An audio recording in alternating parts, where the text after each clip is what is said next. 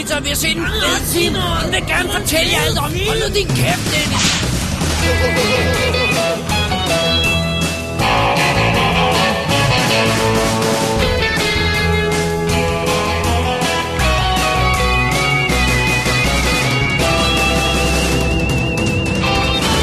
Double D's Definitive DVD Podcast. Velkommen til Double D's Definitive DVD Podcast, episode nummer 172, Wind in her hair and gum on her shoes. Uha, Ja, det lyder bliver spændende. exactly. Ja, Mit navn er David Bjerre, er. Og jeg hedder Dennis Rosenfeldt. og, øh, og i dag er det jo en vidunderlig dag. Det er det. Udover at det er øh, podcast onsdag. Øh, vi træder speederen i bund, og så sætter vi kurs mod horisonten øh, med denne nye episode af Double D. Det kan vi altid godt lide at køre hurtigt. have fat i en biograf actionfilm. Det er godt. Og vi skal have noget øh, Oscar-nomineret Weirdo-film. Det skal man også engang med. Og en ny Harry Potter-historie, åbenbart. Ja, det bliver spændende. Ja, spændende. Ja, ja. Knap så meget magi måske. Og så starter Dennis sin Luke Perry-kavalkade. Det bliver Ja. meget, meget, meget spændende. Watch out, det bliver virkelig godt. Øh, og så skal vi ud i rummet, og ud i sumpen, tror jeg nok, det er, med to lytterforslag. Ja, Det er det. Det Så bliver, det spændende. det bliver meget spændende. det er dagens program in a nutshell. Det er et godt varieret program. Det synes jeg. Det, det synes jeg, jeg synes faktisk, vi har været gode til at variere. Skal i al beskedenhed. Det er beskedet, ja. Uh, vi må nok erkende, sidste gang, der havde vi en lang feedback-sektion, hvor vi blandt andet læste Jespers øh, forsøg op på at lave en, øh, sådan en, en du ved, det der med at lave en topfilm for hvert årti, som Lars havde foreslået. Ja. Og jeg tror, vi drillede Jesper en lille smule med listen.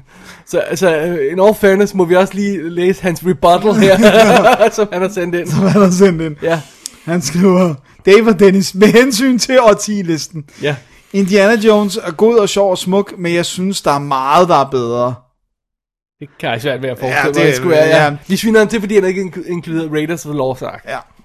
Sorry, Jaws glemte jeg. Også en 80'er favorit. Det er jo til at forstå, i det, at den er fra 1975, og ikke en 80'er favorit. Men lad nu det ligge et øjeblik. Det kan være, at Jesper først så den i 80'erne. Okay, fair nok. Det er jo umuligt at lave den liste. Den ene dag er det den ene film, den anden dag den anden. Unforgiven er dog uden tvivl min favorit fra 90'erne. Nok all time. Wow. Wow. Med hensyn til Alfred... Hitchcock? Ja, så er Vertigo også en favorit. Jeg synes bare, der er noget fantastisk smukt over Rear Window. Nej, jeg ved ikke. Det kunne lige så godt være den ene som den anden. Ja, det er jo det der med, hvis man skal vælge sådan en, altså for 60'erne, vælge en Hitchcock-film fra 60'erne, som man, eller 50'erne, for, så, Ja, for den sags skyld, ja. som, man, som man kun kan tage. Kun én film jo! Ikke sådan en top 5 eller sådan noget, bla bla bla, åh, dobbelt delt anden plads eller sådan noget. Nej, nej, én film. Jamen, det, er- det er altså... Det er Det jeg får maves over det her.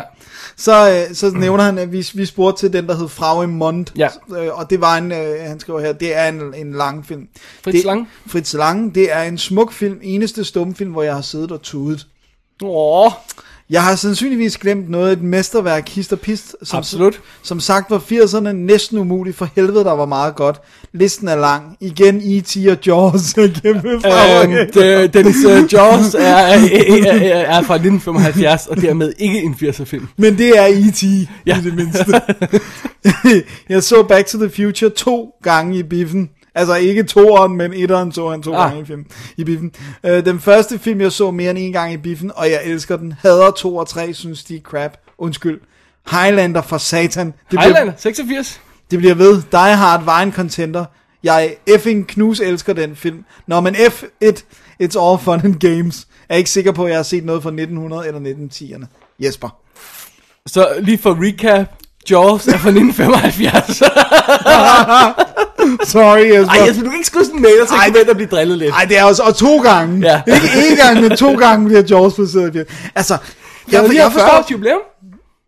Det er rigtigt. Ja. Ja, det har lige været. Ja. Og det har været... Nå, men det er fordi Jesper er ikke Facebook mere, fordi jeg synes godt nok, mit feed var tillykke til Jaws. Der er ikke andet end, end Jaws poster i mit uh, Facebook feed. Altså, er jeg den eneste, der rent faktisk godt kan lide alle tre Back to the Future film? Jeg siger ikke, de er alle sammen øh, gode. nej, det er du ikke, men jeg vil våge at påstå, at, at etteren er jo sådan lidt speciel, fordi det er også sådan en lille film. Ja, Toeren er et effekt-ork, og det er derfor, jeg elsker den. ja. Treeren har jeg lidt problemer med, fordi jeg er jo ikke så vild med westerns. Og jeg synes, den mister sådan... Den er ikke så farlig heller. Ja. Den er meget sådan fun and games, ikke? Men, Mest Docs historien, det egentlig er Martys, ikke? men jeg synes, jeg, jeg kan så godt lide. Men jeg tror, det er fordi, du ved... Okay, fun fact. Det her er nogle fun, Ja, ja, fa- ja. nogle fun facts med Back to the Future og Dennis. Øh, første gang jeg så toren, det var, øh, da jeg var lille, der var, øh, når vi var på charterferie med mine forældre, så var det Kyberen, som havde et helt vildt sådan, øh, videomarked. Jeg tror, jeg, jeg tror, det var piratkopier, skal vi ikke bare sige det sådan? Øh, og der fik jeg Back to the Future 2, som jo så var uden undertekster. Så jeg, jeg så Back to the Future 2 på sådan en pirat øh, VHS, Right, right. uden undertekster, jeg var ikke var særlig gammel. Og så træeren, mit allerførste spil til Amiga 500, det var et købt Back to the Future 3 i sådan en lille papæske med det, og det var et lortespil, men, men det var sådan, oh, jeg har et spil til min Amiga, og det var Back to the Future 3. Så måske er det også derfor, der er sådan et... Nej, øh, fair nok, fair nok. og så kan jeg faktisk vildt godt lide, altså det der med, at de, 1'eren og 2'eren har jo meget den samme type score, men 3'eren, der har Silvestri lavet et virkelig fedt western score. Ja, det har han jo. Og, Og, var, og jeg tror også, at 1 og 2 har også meget det samme look i sagens natur, ikke? Jo. Øh, med, med, hvor træerne igen deviater fra det. Ja. Og, og, jeg er altså ikke så vild med western-stilen, så det, jeg tror er derfor. Og så plus 1 og 2'eren, da 2'eren havde premiere, der kørte de sådan noget double feature med, at de viste 1 og 2'eren for ens pris, tror jeg det var, i biffen og sådan noget. Og jeg var inde og se det, de to fire dage i træk. det er simpelthen, det er så vildt. 1 og 2'eren, lige efter hinanden. Så du så dem fire gange på en uge? Ja. Begge to? Ja, i biografen. Det er med vildt. Hvor, hvor fanden havde du pengene til det for? Det var, jeg tror, det var det eneste, jeg brugte penge på dengang. Og, Ja. jeg, og jeg, jeg, det var dengang, jeg så alt i biffen. Ja, ja det, åh, det kan jeg også godt huske. Ja. Jeg så altså... Spy Hard i biffen. For lige at skyde den ind. ja, fordi af alle the weird. Øh, wow. Det, men det kan jeg også, men det er også sjovt, fordi jeg synes altså også, det bliver sværere, udover det, ja, det er langt fra alt, jeg har lyst til at se i biffen, men der er der, er der ikke flere film, der har premiere ugentligt herhjemme. Føles det ikke som det? Også fordi vi har åbnet mere op for Arthouse, altså der er flere, du ved, Det, det, det, skal jeg ikke gøre mig klog på, men jeg synes, jeg synes mere, mere, mit problem er mere også det der med, at øh, hvis jeg ikke lige kan komme ind den første weekend, når man så er den allerede ude i den store sal, og så gider jeg ikke mere. Altså, Ja. Man, jeg kan huske det der. Ved du, hvilken biff jeg kom rigtig meget i? Det var faktisk Scala Bio. Ja. De havde god lyd og sådan noget. Jeg har haft de mest sindssyge oplevelser. Jeg var til premieren på Blade, hvor der udbrød sådan en provinsslagsmål inde i salen. Nice. og jeg var til, øh, jeg var inde og se Nattens Engel i Skala, hvor folk blev totalt rowdy, som om de var stive og kastede popcorn rundt i luften. Perfekt. Og der blev hudet og klappet. Jeg har virkelig haft nogle sjove oplevelser. nice. Jeg var, inde, jeg var inde se Lethal Weapon 3. Oh, i det, var, det var jeg også, ja. Det var sjovt. hvor, hvor min, min øh, storsøsters daværende kæreste, vi kommer op til, til sådan disken, og så skal vi have billetter, og så siger hun, hvor gammel er han? Så siger Jesper, siger han, så siger, altså ikke Jesper, vores Ja. Jesper, men så siger han sådan, øhm, men han er 13, så siger hun, den er tilladt for børn under 16. Han er 16. Nå, okay, what the hell. What the hell? Fordi nu er det jo bare det der med, i følgeskab af en voksen, så må du komme ind. Men dengang var det jo rent faktisk forbudt for børn under. Jeg ved godt, de loose. Jeg blev forbudt at se øh, Roger Rabbit i en bio. Så måtte vi køre over til en anden. Wow. Fordi de var sådan, nej, men han er for lille. Jeg var sådan, for lille? Det er Roger Rabbit. Hvad snakker jeg om? Og okay. det blev lige anekdote. Ja, ja, øh, det var lige lidt, øh, så, så det startede altså med Jespers mail, så tak for mail, Jesper. Yes, tak Jesper. Endnu en gang. Yes, Så det, ja. så det. Hey, skal vi nå mere, inden vi går i gang med dagens anmeldelser? Nej, jeg skal nok holde på med alle mine barndomsanekdoter. Uh, memory lane. Memory lane. Alright. Jamen, øh, vi tager et break, og så, øh, så vender vi tilbage med en stak øh, øh, lytterforslag, tror jeg. Det bliver godt. Alright? So what brings you to bowling? You don't want to know. No, seriously. I'm interested. Really? Yeah. Okay. Here it goes. I come from a long line of Druidic priestesses sworn to fight a certain evil force that possesses the laziest fuck up it can find. It will kill as many people as possible, and then drag a free soul into the netherworld. That's some weighty shit there. Yeah. Here's the kicker. I actually have the one thing that can stop this from happening. I just need to find the poor bastard whose hand is possessed. Nå, efter halvanden times snak om Dennis' videobag, øh, baggrund og, og, og, og, i sin unge alder her, der, øh, der, der, der, der er vi klar igen. Ja, men noget som hvis nok også er promptet af noget, noget videobarndom fra andre. De bedste dele af showet foregår off mic. Jeg kan lige så godt sige det. Åh oh man, nu kommer folk og vælter studiet for at høre, hvad der sker off mig. Nej, just kidding. Øh, Dennis, hvad har du af, af, af film her i, i stakken til at starte med? Jeg har fat i Uncommon Valor, Aha. som øh, jo er en anbefaling fra Christian Thomsen, og øh, hvis man altså på et eller andet tidspunkt har vi læst hans mail op, og det var, det var sådan noget med, at det var en, han optog for fjernsyn og oprindeligt, og så kom til at slette den og fandt den igen. Han, han de skrev Jeg til har ingen minder om det her. Jamen, så jeg kan huske det. Så okay. skrev de, til, de skrev til DR for at få dem til at sende den igen, så han kunne optage den, og så har han set den utallige gange, og det var sådan en childhood favorite. Christian, jeg undskylder, hvis Dennis er finder, bare for finder på det her, for jeg kan ikke rigtig verify det. Jeg kan ikke huske noget af det. Skriv til os, hvis jeg tager fuldstændig fejl, Christian. Men jeg er ret sikker på, at det nogenlunde var historien. De var en gruppe venner, der synes det her var the shit. Uncommon Valor. Uncommon Valor. Og, og øh, jeg skal være ærlig og sige, øh, jeg har ikke set den før. Jeg er heller ikke rigtig sikker på, at jeg vidste, hvad det var. Jeg tror, jeg har set cover, men jeg har altid synes, det så sådan lidt cheap ud. Det, det har været det samme cover i mange år. Hva- Hvad, hvad årstal er vi i? Fordi den kunne, det kunne godt ligne en 70'er film, hvis man kigger på den sådan lige hurtigt. Ikke? Jo, vi er i 83. Ja, 83, okay. Og øh, ja, og det er jo, øh, nu, nu kommer vi ind i, nu tager jeg historien Ja. ja. ganske kort, ikke? Den er, øh, vi er, vi er i øh, starten af 80'erne, og øh, Gene Hackman er en øh, pensioneret, en eller anden rang, whatever, i herren. øh, Lieutenant Major, Colonel, noget og fint, whatever, ikke? Ja. Og, øh, og øh, Jason Rhodes hedder han, og han er helt, altså hans eneste mission i livet er at finde sin søn, Jack, eller undskyld, Frank, som har været missing in action siden 1972. Og filmen starter med en ganske kort scene, hvor vi ser, hvordan Frank og en anden øh, soldaterkammerat ligesom bliver... De må, de må lette med helikopteren, inden de når at komme med, og så ser vi dem ligesom blive taget til fange. Så vi ved i hvert Han er fald... left der- behind. han er left behind, og vi ved, der er en mulighed for, at han er i live, fordi vi ser, at de bliver, som bliver overgivet af, til de her øh, vietnamesiske soldater. Ikke? og Gooks. The Gooks. Og så, øh, og så gør han jo simpelthen det, at han, øh, han går ud, han, skal, han, vil, han beslutter sig for at tage til Vietnam, for at se, om han kan finde en søn. Og han har, han har fået nogle enkelte, der er sådan nogle over, hvad hedder, sådan nogle luftbilleder, hvor han mener, at hans søn har lavet nogle tegn til dem. Det, jeg vil sige, de er meget søgte. Det er sådan noget med, der er tre lige streger, der er lavet på en mark, og det, han var del af det 111. kompani. Altså, vi er ude i sådan noget conspiracy Okay. theory, det, hvor jeg tænkte sådan, du baserer det på det her, men, men han er jo så også repræs- altså, han er præsenteret som rimelig desperat, og det hele er faldet lidt fra hinanden. Hvordan ville du signalere noget til nogen fra et fly, Dennis, hvis du var fanget i en jungle?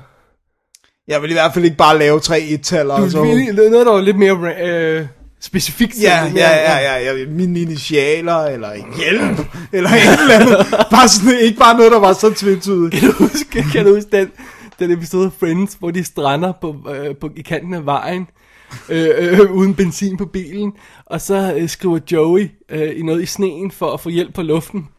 Og så skriver han play, som er help bagfra, sådan, så flyene kan se det. Christ. Han er virkelig stupid. Men øh, det, øh, det er ikke helt lige så slemt. Ej. Men i hvert fald, så, så, øh, så starter det med, han har de her billeder, han går til regeringen, der er ingen, der vil gøre noget. Og, og så samler han så en gruppe veteraner. Nogle af dem er decideret folk fra øh, søndens øh, deling, som kender området. Der har vi blandt andet Wilkes, spillet af Fred Ward, åh, oh, Fred Ward. som har... Øh, p- øh, Oh my god, han er med i min film også. Nice. Han har posttraumatisk stress. Konen siger, du må ikke tage afsted, men han, oh, han bliver alligevel reddet med. Så er der Blaster, Blaster. som er øh, selvfølgelig er ham, der er god med øh, hvad hedder det, bomber og øh, sådan noget explosives. Spillet af Red Brown, som jeg ikke rigtig kender. Så har vi Sailor, Sailor. som er sådan, han, er, han bliver hentet på en uh, mental institution, han, er, han har sådan noget acid trip flashbacks og sådan noget, helt insane, uh, spillet af Randall Cobb, som jeg heller ikke rigtig kender, og så har vi, Er det ikke øh, ham fra... Øh, øh, jeg synes han lignede en eller anden, øh, de, øh, øh, hvad hedder øh, Racing Arizona? Jo. Og der du søger han i den? han er kæmpe stor, Ja, det er sådan kæmpe stor, ja. Og så har vi øh, en, en, en, der er, hvad hedder det nu, øh, en, der hedder Johnson, som er sådan en, der, han er også sej, spillet af Harold Sylvester, jeg kender mig ikke. Og så Charts, spillet af Tim Thomerson. Ja, yeah, som for Transers. for Transer. Og så har vi selvfølgelig også lige Kevin Scott, som er sådan den unge, der skal sådan prøve at få dem whipped into shape, spillet af Patrick Swayze. Nice. Og øh, ja, og så har vi selvfølgelig, så skal de have nogle penge, det får de for nogle oliemænd og sådan noget. Mangler du ikke en i kasten? Øh, jo, men han er meget, meget lille, men Michael Dudikoff Yes. dukker op, øh, som, som øh, han er assistent for Blaster, hjælper ham med, Okay. du ved, at samle de der Alright. og sådan noget. Men, men altså, hvis jeg ikke havde læst, at Michael Dudikoff var med, så havde jeg ikke bidt, mærke i ham. Så Er du, en er du stor Dudikoff-fan normalt? Jeg var da jeg var lille, ikke? Alright. Ja, der, jeg, har, jeg, jeg, tror ikke, jeg har talt på, hvor mange gange jeg har set American Ninja 1 og 2 i hvert fald. Øhm, Gav de nye Blu-rays til dig så? er der Blu-rays til det? Yes, yes, yes. Oh my er god. Det, enten er det 101 Films eller 88 Films, der der er sendt ud i England. Uh, gotta get it. Og så, ja, så basically, så, som, som, øh, som, så tænker man jo, når man ser den her film, er det First Blood 2? Ja, i- det var, min første tanke, det her med at gå tilbage og hente, øh, øh, w, hvad hedder det, øh, øh, POW's. Præcis, ja. ikke? Og man kan sige, hvis, hvis man fjerner det personlige element, så er det.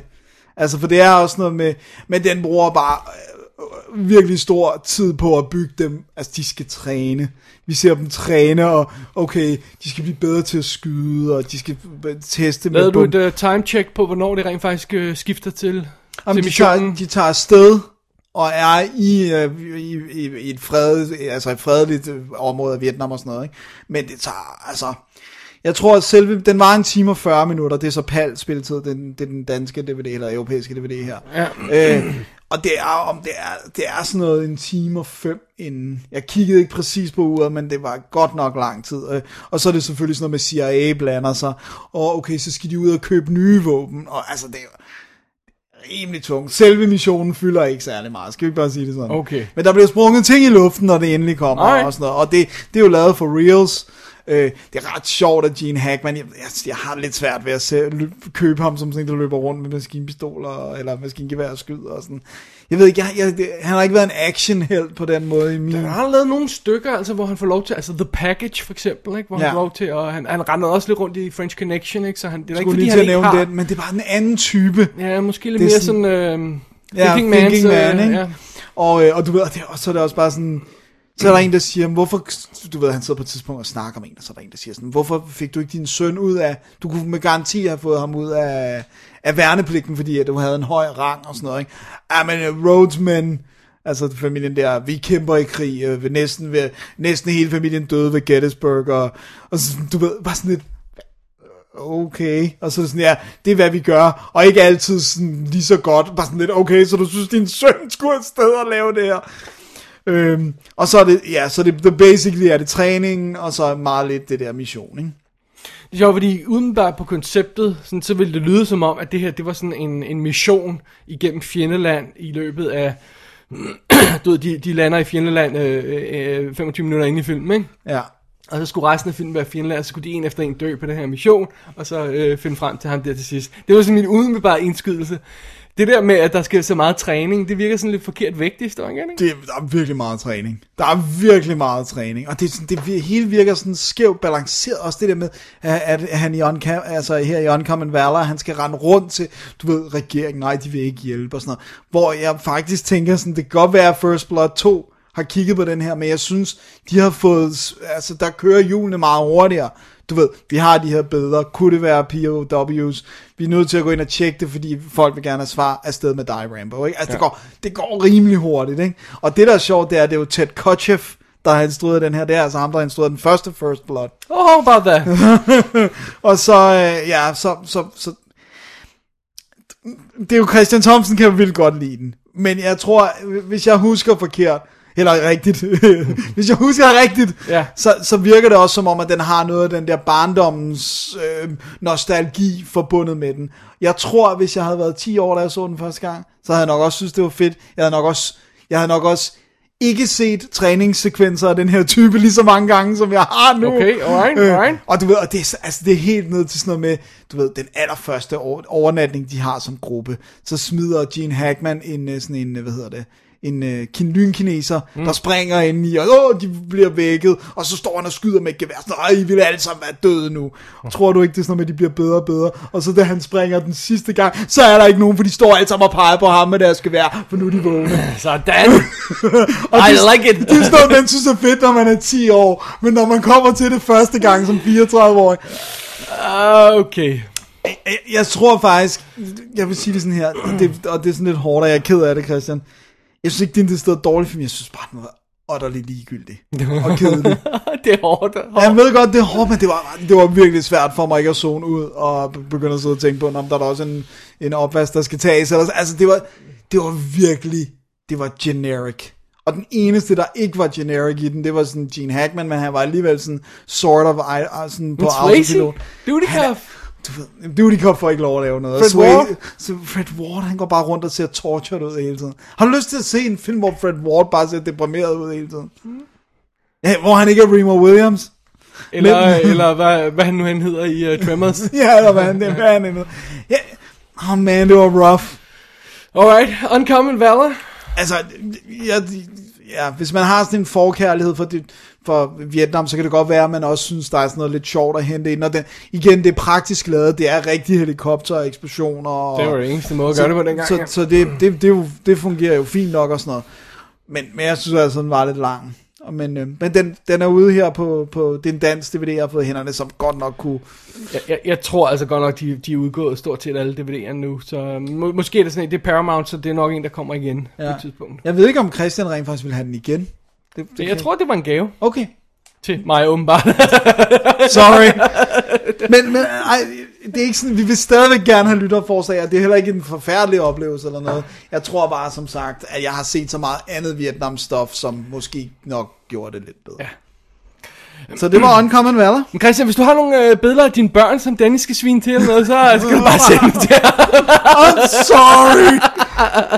Jeg gav den en chance. Et eller andet digt, du lavede som syvårig, han skal svine skal tage fra hinanden. Oh man. Alright, fair enough. Fair enough. Nå, men så er det din tur til en lytteranbefaling. Dennis, vi skal, vi skal skifte fuldstændig uh, spor her nu, fordi nu skal vi til en uh, Fred Ward-film fra 1983. Okay, de er fra samme år også. ja, Christ.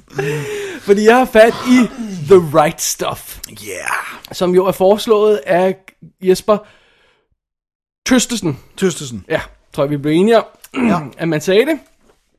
Og øh, det faldt faktisk sammen med, at øh, vi havde snakket om at, at hive fat i den, så jeg havde faktisk øh, rent faktisk bestilt den hjem og havde den stående så på, på Blu-ray på hylden, så, så, så, så det var så undskyldning for at se den, ikke? Jo. Og den er instrueret af Philip Kaufman, som jo lavede, øh, hvad hedder det, Invasion of the Body Snatchers i tidens morgen, ikke?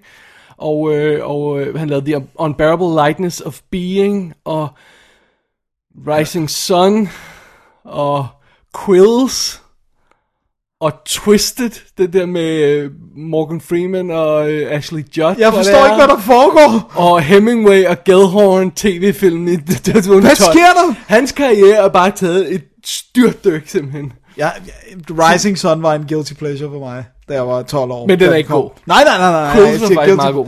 Ja. Ja, i 2000. Og så er den baseret, øh, baseret på en bog af Tom Wolfe, som åbenbart havde tænkt sig at skrive om hele, øh, hvad hedder det, rumprogrammet, hele USA's rumprogram, altså øh, fra, fra, fra Mercury-astronauterne helt op til Apollo-missionerne, mens han- hans kone troede med at gå fra ham, hvis han ikke snart fik udgivet den effing bog, så derfor stopper den, før den når til Apollo-missionerne, Wow. efter sine. Ja, ja. Det kan også godt være, at han blev træt af materialet inden, eller op, op være begravet i det inden, ikke? Ja, og til simpelthen fidusen, det er historien om starten på øh, USA's rumprogram, altså de, The Mercury 7, øh, øh, de oprindelige astronauter, der første gang skulle ud i rummet og skulle øh, øh, de helt tidlige eksperimenter med det, ikke? og det er sådan noget som øh, Alan Shepard, John Glenn, og Gus Grissom og, og Gordon Cooper, alle de her, man måske har, sådan, har hørt navnet på, eller sådan noget. Nogle af dem fortsatte også og var med i, i, i senere NASA-missioner og sådan noget, senere rumprogrammer, og der er også et par af dem, der landede på månen, hvis nok, eller en af dem, der gjorde i hvert fald. Så, øh, så det, det, det er måske navne, der er dukket op her øh, senere. Men nu er det altså, vi er de tidlige, helt tidlige dage, og vi, vi starter faktisk endnu længere tilbage end det, for vi starter helt tilbage fra dengang, man troede, at lydmuren ikke kunne brydes. Det var sådan noget, åh, lydmuren, hvad er det for noget? så det jo tilbage i øh, 47 eller sådan noget, tror jeg det er, vi starter filmen. Så vi starter faktisk med en introduktion. Når, når filmen starter her, så er det sådan en sort-hvid øh, 4-3 film. Ah, nice. Sådan en arkivoptagelse, ikke, hvor man ser testpiloter, der flyver med de her eksperimentalfly, og, og, og de skal prøve at ramme lydmuren, og, og, øh, og det nogle gange går det bare helt galt. Så der er et af de her testfly, der falder ned, og så når det rammer jorden og eksploderer, så bliver det til farvefilm. Oh, nice. så, så, så havner vi i nutiden, og så er vi i, i, i 1.85. Vi er ikke scope godt nok, men vi er 1.85 og farvefilm og sådan noget, og så kommer vi, så, så starter vi historien der. Og så får vi simpelthen fortalt historien om, for det første om Chuck Yeager, spillet af øhm, Sam Shepard, ja, Sam Shepard, som jo er den tidlige testpilot, den der, der, der bryder lydmuren for første gang, og alle de eksperimenter med det, og så er det starten på rumkapløbet med russerne, hvor først ryger Sputnik op, og så Gagarin ryger op og alt det her, og, og, og amerikanerne finder ud af, at de skal konkurrere på det, så de starter et rumprogram, Mercury-programmet, og ideen er jo så, at de skal finde nogle piloter til det. Og de kigger blandt andet på testpiloter, og de kigger på forsvarets piloter, og de kigger alle mulige andre steder hen. Og så, øh, så følger vi simpelthen hele processen med at, at samle det her hold, finde The Mercury 7, og så lave de første missioner ud i rummet og, og de første eksperimenter. Og så slutter vi rent faktisk på, at den sidste af Mercury-astronauten ryger op i kredsløb. Jeg tror, han laver øh, 7-8, hvor mange det nu er, kredsløb omkring jorden simpelthen. Ikke? Så det er filmens overblik. Ja. Og det tager den 193 minutter at fortælle den historie. Uh, ja. ja. Så det er det. Ja. Jeg, har, jeg, jeg kan starte med at sige, jeg har set Right Stuff, men jeg tror sidste gang jeg så den, var jeg 10 år. Eller Ja. Øhm, fidusen er jo, at den starter ikke med test af astronauterne til det her Mercury-program, før øh, en næsten en time inde i filmen.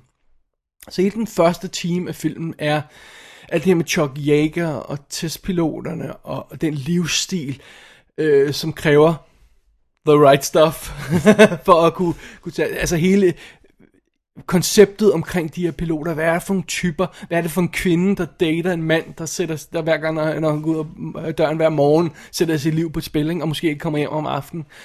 Hele, det er hele beskrivelsen af den her The American Spirit og, og The Right Stuff og alt det her. Det er sådan et forsøg på at etablere det, sådan så når vi går videre til, til rummissionerne, så har vi en idé om, hvad det er for en type mand, der de kunne finde på at lede efter det. Ikke? Ja. Og det var alt sammen fair nok.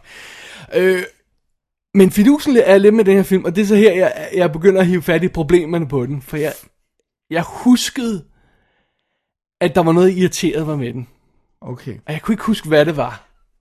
Fordi jeg så den som lille, og jeg, jeg kan ikke huske, du så den også, da du var mindre. Ja. Og huskede, at det var storslået og sådan noget. Ja. Og det er den også. Det er en imponerende film på mange planer. Men den giver et overblik over det her program. Men det virker faktisk ikke som om den er specielt interesseret i øh, det konkrete, de konkrete fakta omkring programmet og sådan noget. Øh, der er, det, vir- det, vir- det virker kun som om, den er bevidst om to ting. The right stuff, mentaliteten og rumkapløbet. Ja. Det virker ikke som om, den er bevidst om, og øh, helt præcis, hvad der indgår i det her. Altså, øh, hvorfor man sætter en mand op. Det er, der er andre grunde til, at man bare vil slå russerne, for eksempel. Ikke? Ja. Det virker den ubevidst om. Der er mange detaljer, der, der mangler i filmen. Der er mange... Øh, for eksempel sådan noget som, at, at vi får at vide John Glenn, spillet af, af Ed Harris, af den her fantastiske, øh, super duper seje gut, uh, The American Spirit, ikke? Uh, Backbone of the Nation og det her. Men han er ikke den første, der ryger op. Hvorfor er han ikke det? Det kan jeg ikke huske. Well, yeah, I, I don't know. Nå, Fordi filmen det, det fortæller det fortæller ikke, filmen okay. ikke. Men det bliver forklaret til, at han er den her fantastiske. Alle tror, at John Glenn er den første, der ryger op. Og det er han så ikke alligevel. Nej, så bliver han forbipasseret, ja. Hvorfor ikke? Og han er helt fin med det. Vi får ikke noget, altså der er ikke noget info for det, fordi det er lige, ikke sådan, det film er interesseret i.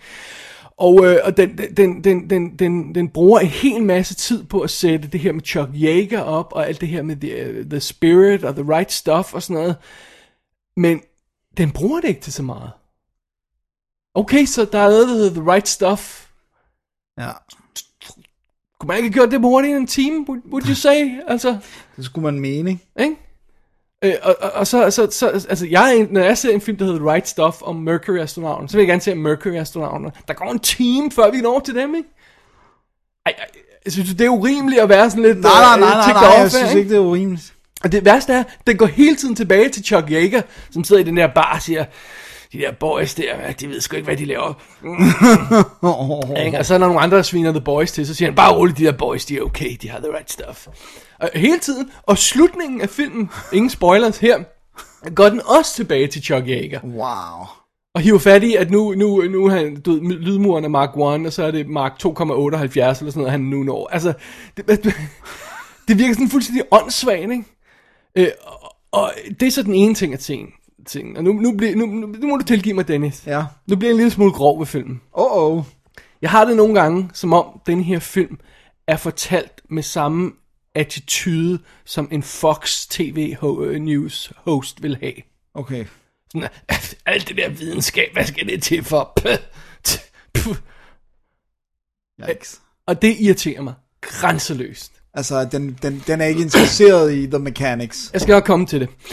For det første, så virker historierne i, i filmen her utroværdige på mange punkter. For eksempel har de den her tyske videnskabsmand. Og siger, hvorfor skal vi sende de der astronauter op i rummet? Altså, vi kan gøre det hele med en abe. Hvad, hvad skulle de der astronauter op for? Det er bare sådan noget. Really? Var der en tysk astronaut, der arbejdede, eller en tysk videnskabsmand, der, der, der arbejdede for NASA, kunne for det første ikke se forskellen på sin mand og en abe op i rummet, og kunne ikke se på... Really? Igen, det virker som sådan en hovski attitude fra folkene bag filmen, der er lagt på ham der gutten, ikke? Ikke? Øh, For eksempel den her scene, hvor øh, de står der foran øh, rumraketten der, og så siger astronauterne der, "Eh, vi skal have et vindue i, fordi det her, det er sådan, vi gør det, ikke? Vi er astronauter, vi skal kigge ud af vinduet, ikke? Og så står de her tyske videnskabsfolk, hvad skal vi dog bruge til et vindue? What? Var det sådan, det foregik? Really? altså, okay, jeg ved godt, man tager sådan lidt, lidt, øh, lidt licens med, med, med overdramatisere nogle ting og sådan noget, ikke? Men det virker sådan nærmest øh, komediescene-agtig øh, slapstick opstillet, den her scene, hvor de står der. I kan nok se alle journalisterne, der står derovre. Hvad nu, hvis vi siger til dem, vi ikke får et vindue? Ja, hvad tror I så, de vil sige, hva'? Åh, oh, ja, så står videnskabsfolk der. Åh, oh, ja, vi må hellere sætte et vindue i. Really? Var det den debat, der får? Nej, nej, det tror jeg altså ikke på. Nej, fordi man kan godt forestille sig det der med, at de siger, det, det, altså, at de ikke er sikre på, at de kunne lave et glas, der kunne holde til uh, re-entry og Lego? alle sådan nogle ting. ja, ja. Den og, snak og, og, hvis jeg ikke tager meget fejl, var det rent faktisk, uh, good point, en af debatterne, det der med, det bliver jo et breaking point i kapslen, hvis Ja. der er et vindue. Præcis. Det er debatten, ikke? Ja. Men det, det, det er et meget godt eksempel på, hvordan filmen øh, hele tiden øh, laver alt til jokes. Jeg vil prøve at give nogle eksempler på det her, ikke? For det første, øh, der er den her tilbagevendende scene hele tiden, hvor øh, der, vi ser en gut, vi ser fødderne af en gut, der løber mod et kontor. Så kører kameraet hen langs gulvet, ikke? Sådan, du, du, du, du, du, du, du, du, du. Slam, så åbner han døren, så kommer han ind i, i, i det her rum, så siger han, It's called Sputnik. Altså forstået på den måde, det er den første øh, Øh, satellit, russerne har sat op. Så kigger han på de her mænd, der sidder i det her mørke rum, så siger de, We know, sit down. Og så går de i gang med sådan en debat, ikke? Og så kommer han senere, duk, duk, duk, duk, duk, duk, duk, duk, slam, he's Gagarin. We know, sit down. Altså, det sådan bliver den her comedy routine, hver gang alle er overrasket, eller, eller ham der gutten, der kommer, er overrasket over den nye udvikling i programmet. Det er jo ikke sådan, tingene foregår. Nej, Vel? det virker i hvert fald lidt utroværdigt. Ikke? Øh, og, og, og så skal de vi, lave den her demonstration for, for, øh, for, for præsidenten og for vicepræsidenten, Lyndon B. Johnson sidder der, og hvem det nu er, der var præsident på det tidspunkt. øh, øh, hvad hedder det? Og, og så viser de film fra, fra, øh, fra, øh, fra, fra, fra Ruslands rumprogram, ikke? Og så kan de ikke finde ud af at tænde projektoren. Det er, Så, øh, øh, så, kom, øh, så hvad sidder stikket i her? Så må en af de her senatorer kravle ned på gulvet og sætte stikket i, fordi, jamen, come on. Okay, det virker lidt. alt i den her film bliver gjort til en joke. Ja. Ikke? Er det ikke også den her, hvor der er en tissescene? Er det ikke right stuff? Der er en, der, er sådan, du ved, der, der ikke kan holde sig længere i sit suit på et tidspunkt. Jo, men det, jo, jo. Okay. Øh, jo, fordi det, det, er nemlig, det er meget sjovt. For- For det første sted, så kan piloterne selvfølgelig testes på alt det her, ikke også? Og det bliver gjort til en cartoon-sekvens med sådan en cartoon-grim øh, sygeplejerske, hvor de skal løbe rundt og, og lave jokes med sædprøverne, og mens de har en slange op i røven og sådan noget, ikke? Gud. Det, det er så Den sådan, jeg det er så sådan de har valgt at, at, at illustrere det, ikke?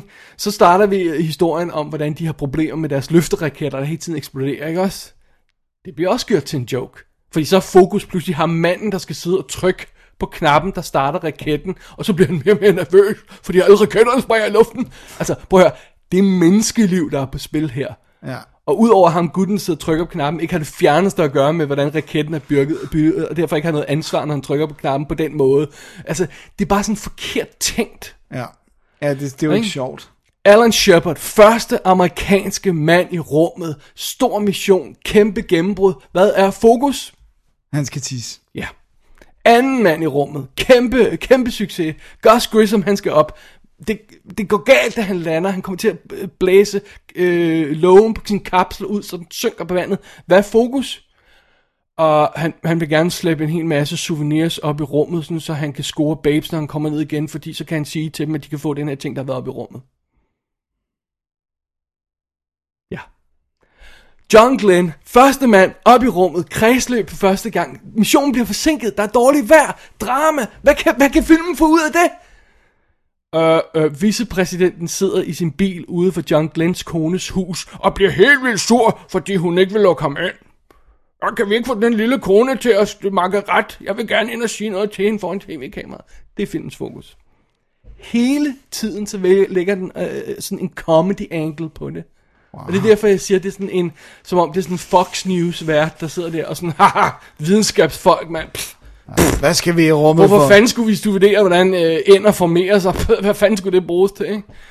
Uden at kunne se sådan noget større perspektiv i det her, ikke? Det kunne jeg ikke huske. Nej, det, Men jeg tror, det er det, der irriterede mig dengang også. det kunne jeg da godt forestille mig i hvert fald. Mm-hmm. Det er sjovt, jeg kan huske, jeg kan ikke huske, det er ikke altid, men jeg kan huske den der tissesekvens, og så kan jeg huske det, den der du sagde det med, at de løber rundt med de der, at de har sjov med, at de skal have en slange op i røven. Ja. Og, Hele tiden går den efter comedy. Og ved du, hvad det værste er? Nej. Når John Glenn, han endelig kommer op i luften, får lavet tre ture rundt omkring jorden, og skal lande igen, og har problemer med sit varme skjold, ikke? Så filmens fokus er, NASA, de ved så ikke, hvad de skal gøre. Vi, vi, vi, vi, vi, vi lader være med at fjerne den her ting, der sidder foran jer, varmeskjold, de her, de her øh, sp- spændinger ting på, ikke? Så kan det godt nok være, at det holder, ikke? Og hvad er filmens fokus så? Jamen det er, at de indfødte i Australien tænder bål og om aftenen og danser, fordi kapslen den kører over Australien, ikke?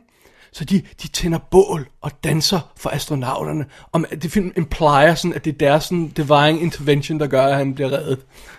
Det er filmens niveau, sådan rent videnskabeligt. Og det irriterer mig grænseløst. ja, især når man, du er sådan meget science øh, dude. Ja, absolut, og jeg, og jeg vil da ikke, jeg, vil da, jeg, jeg gider ikke at se en film, der gør nar af rumprogrammet, og jeg føler, at det er en film, der gør nar af rumprogrammet. Ja. Jeg føler, at det er en film, der ikke forstår, at, at der er liv på spil her, og der, og der er mere end bare, at vi skal slå russerne, ikke? Mm. Altså, der er meget mere bygget ind i det her. Det hele den amerikanske attitude, det hele det her frygten for at rummet, altså det der med frygten for russerne, de pludselig ejer rummet, ikke? Jamen alt det bliver kastet til side til fordel for comedy og slapstick og simplificeringer. For eksempel bare sådan noget som, at de har den her gut, som i øvrigt bliver spillet af dommeren for Twin Peaks, hvis man lige skal reach tilbage her, øh, som er klædt lidt ligesom præsten i Poltergeist 2. ikke? Wow. You know? Ja, ja, I know. Øh, og som kommer, som ham der gutten, der kommer så modig til døren, langsomme skridt, når der er endnu en testpilot, der er død, ikke? Så det bliver sådan nærmest også lavet sådan comedy-agtigt, ikke? Når han kommer og skal fortælle konerne, at de er, er, er døde, ikke? Ja. Åh, se, præsten, der går langsomt op mod deres hus.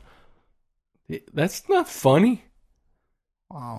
Og så, og så filmt attitude det her med, når man nu er, øhm, nu er, nu øh, er, det, er den første pil- pilot, der er på vej op i rummet nu, og det er vildt dramatisk, han kunne dø. Så pludselig står ham der, præsten fra basen med testpiloterne, står pludselig på the launchpad og kigger op på den der raket. Hvor i verden skulle han være der? Men det er sådan filmens ene måde. Øhm, har vi der en film, der betyder død? Nej, lad os hive ham der præsten fra starten ind igen, og lad ham stå der og kigge op på raketten. Hvad fanden skulle han lave der? Han beder for raketten. Ja, there you go, ikke? Ej, det, det synes jeg er enormt frustrerende. Og det, der gør det endnu mere frustrerende i den her film, det er, for helvede, hvor er den flot. Der sunshine, hvor er den flot. Altså, den er skudt af, nu skal jeg lige have, hvad fanden nu, det er, øh, hvad hedder det, Caleb Deschanel, der har skudt den. Uh, det Chanels var.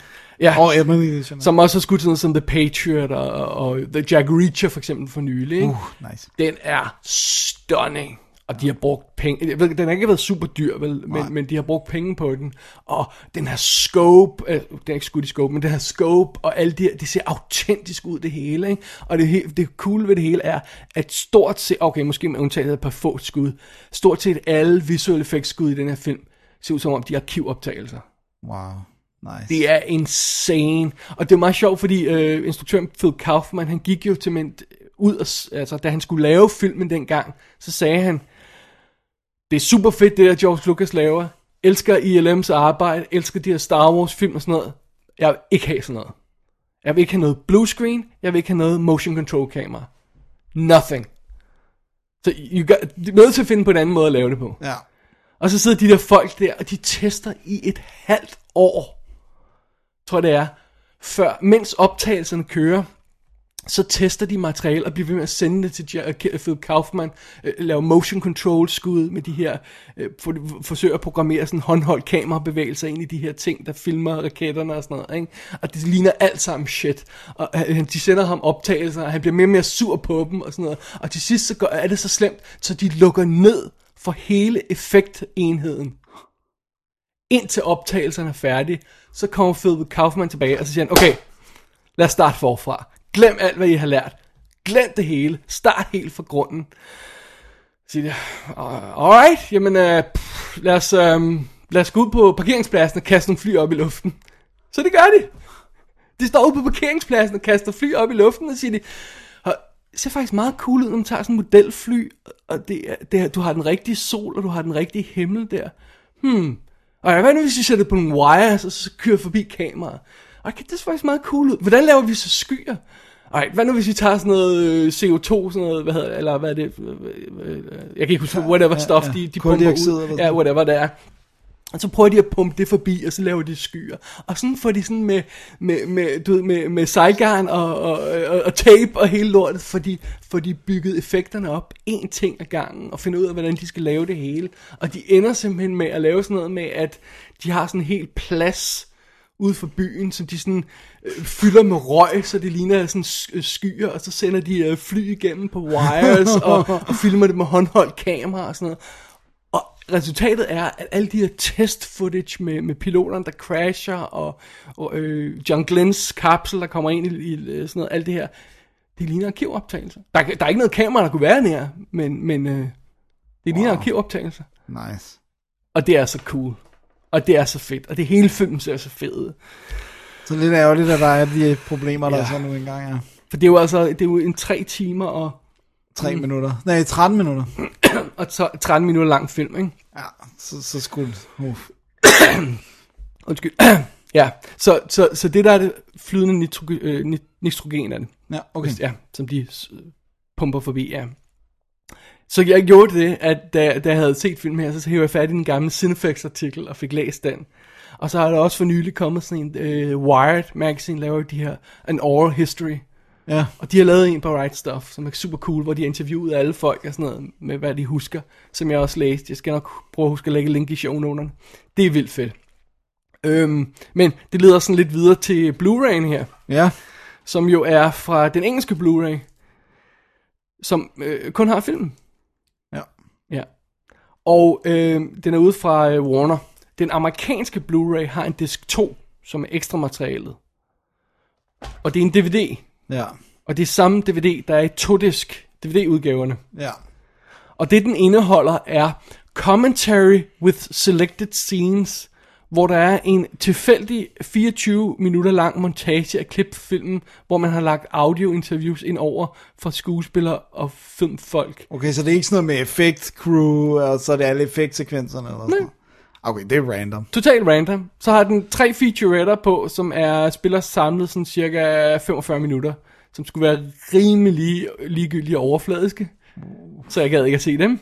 Og så har den halvanden times John Glenn American Hero sekvent øh, øh, PBS-dokumentar, og så har den deleted scenes og sådan noget på. Det er, hvad der er på ekstra materiale. Det ligger alt sammen på DVD'en.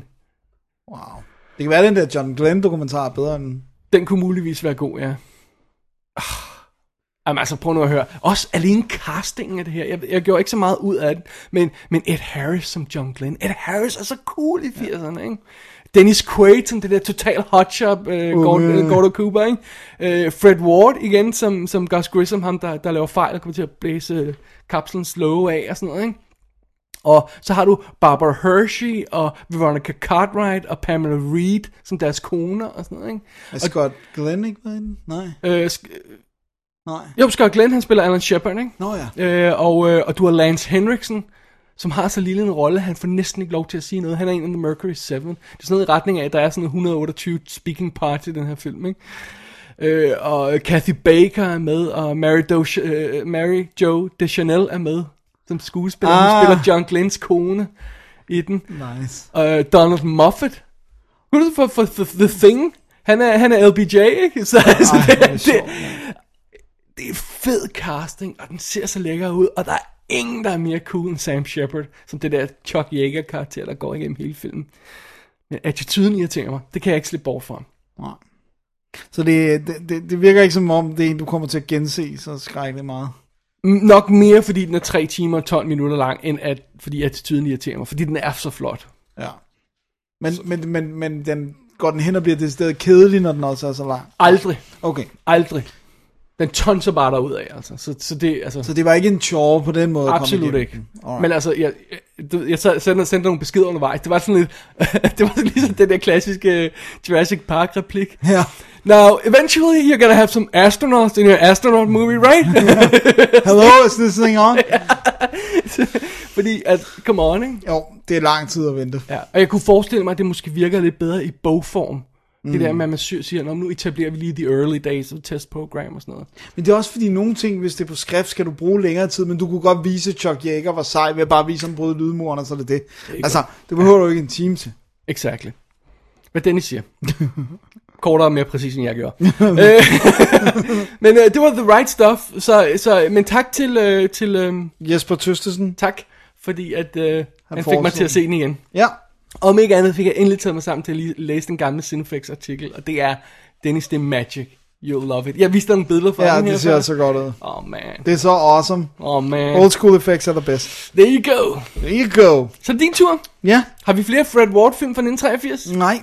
Vi skal lige øh, ni år frem i tiden Oh. til 1992, Right. hvor der udkom en lille bitte film. The Film That Could, eller hvad man siger. Buffy the Vampire Slayer. Um, Dennis, jeg ved ikke, hvordan jeg skal sige, men jeg tror, det er, altså, det er en tv-serie. Øh, ja, senere blev det, men oprindeligt. Godt nok er der også lidt tv-folk med i. Øh, men det er altså en film. Ah, det, det, det, det tror jeg altså ikke, du har ret i, Dennis. Det, Det er sjovt. Men, men øh, det er jo altså den, hvor at, øh, det er Joss Whedon, der skriver den, men han er ikke på det her tidspunkt en, der selv får lov til at instruere og sådan noget. Så, så det er Fran Rubel Kusui, som jeg kunne ikke rigtig finde noget andet, som vedkommende har lavet. men det er en chick. Ja. Og, øh, og, og efter, der er jo en, enormt mange historier om, hvordan den blev taget fra ham, og hvordan de gjorde alt muligt forkert med historien. Og Var der ikke også en chick, der lavede Tank Girl? Jo, det tror jeg nok. Jo. Jamen, de tænker, jeg tror, at tænkningen af tankerne bag er meget god. Det der med Tænkningen bag er meget ja, tankerne bag. The thinking. Det er så bad. Hvad hedder det nu? ja, det er bad, Dennis. Dit engelske. Hvad hedder det nu? At det at have en stærk kvindelig hovedperson, og så prøve at give hende sådan, du ved, at have det kvindelige twist bag kameraet også. Og sådan. Men, Sure, men, men det virker i hvert fald umiddelbart af historien jo, at, at selskabet har blandet sig enormt meget for bare få den til at være sådan lidt ditzy fun, ikke?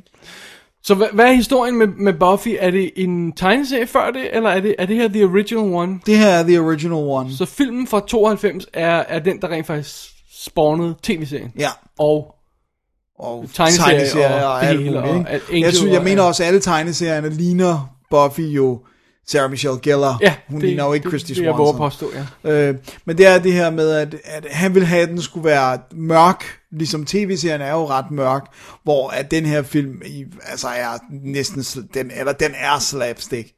Den er slapstick, Den den er meget slapstick. Ja. Øh, og især øh, Paul Rubens øh, karakteren øh, har nogle virkelig, virkelig sjove ting, men det er slapstick. Øh, men vi møder altså, øh, hvad- hvad hedder det nu, øh, Buffy Summers, som går på sidste år af high school, øh, så hun er en senior. Og øh, hun bliver spillet af Christy Swanson, som har haft et lidt trist forløb, hvis man går ind og læser lidt om noget med drugs og rehab og alkohol, og ja, ikke haft det helt heldigt. Hun ligner noget, der er løgn. Så også den gang, hun blev smidt ud af, af fra det her tårn der i der er Batman, eller hvad der var det, pingvinen der. Hvem var det, der gjorde det?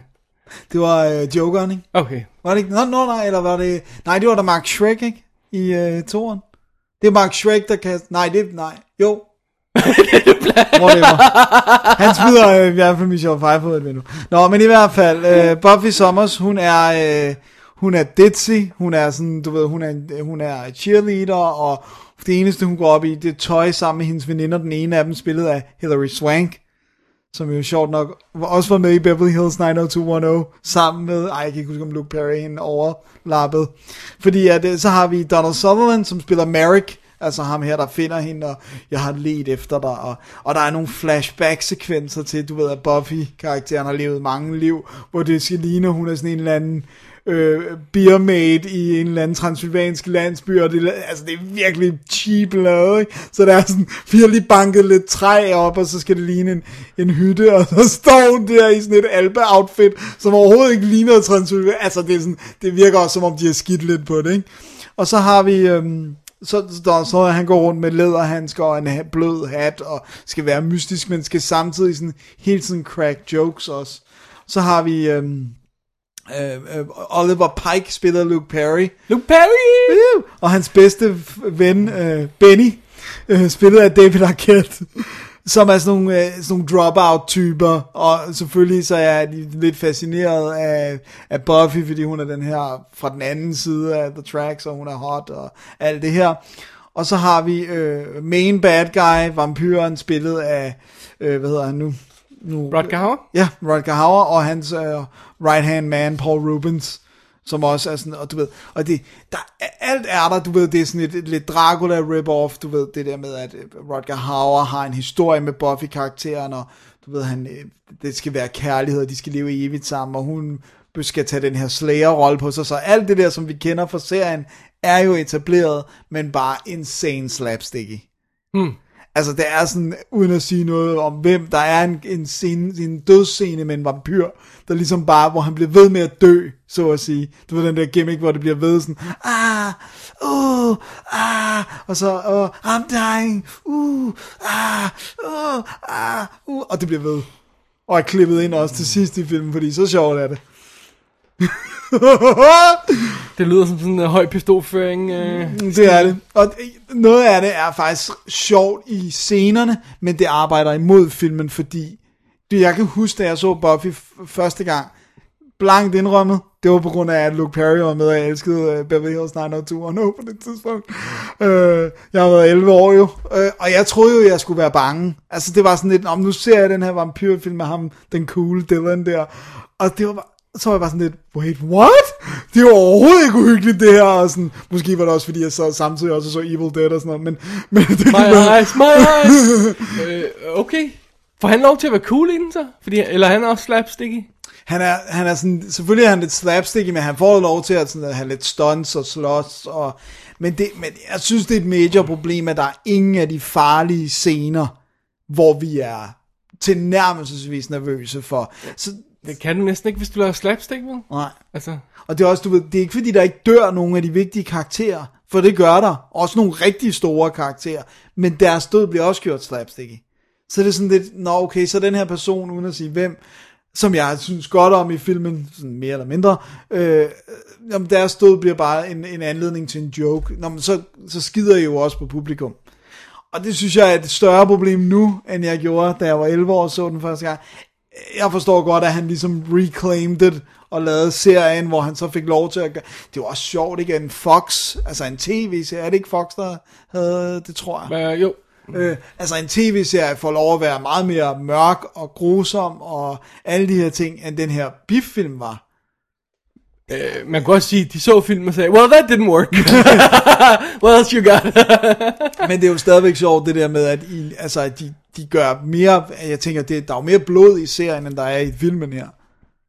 Det er virkelig underligt. Men den var jo et hit, så at sige, fordi den kostede 7 mil, ikke? Og, og 2,16. Ej, det hit er måske. Ej. Men det er i hvert fald, det, det er i hvert fald kunne, han har jo kunne få lov til at lave en serie, som, altså, ja.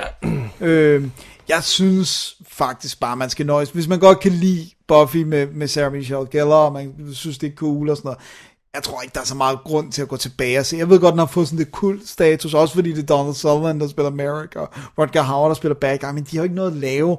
Og Rodger Hauer har tre scener, og han sådan overspiller helt insane. Og sådan. Han, han, han bedre eller dårligere, end han var i Dracula 3D? Rodger, øh, øh, øh, dårligere. Okay. Var det, var det ikke ham? der var med i... Uh... Nå jo, Ej, okay, han er bedre her. Okay. Han er bedre her, men det er også fordi, at, at filmen er bedre end Dracula 3D. Hvad hedder han? Argento. Ja, Ja, sorry, det var lige ja væk, Argentos ja. Dracula, ja, det, det er rigtigt. Det, ja, det, det her er bedre. Øhm, er der andre eksempler på det her? Altså, hvor en dårlig film bliver en god serie. Jamen også den var, en ting er, en serie bliver til en film. Men at en film bliver til en serie, og så den bliver mere alvorlig, som du siger. Ja. Fordi altså... Øh, Der er masser af øh, serier, der MASH, for eksempel, ikke? Ja. Men, men der, så bliver det ikke, der bliver også comedy, ikke? Jo. Altså, Nej, jeg tror ikke, øh, altså der er jo masser af serier, der er kommet udsprunget af film, men jeg synes som regel prøver de at holde den samme tone. Jo, vent, øh, ej, det er også en anden vej rundt.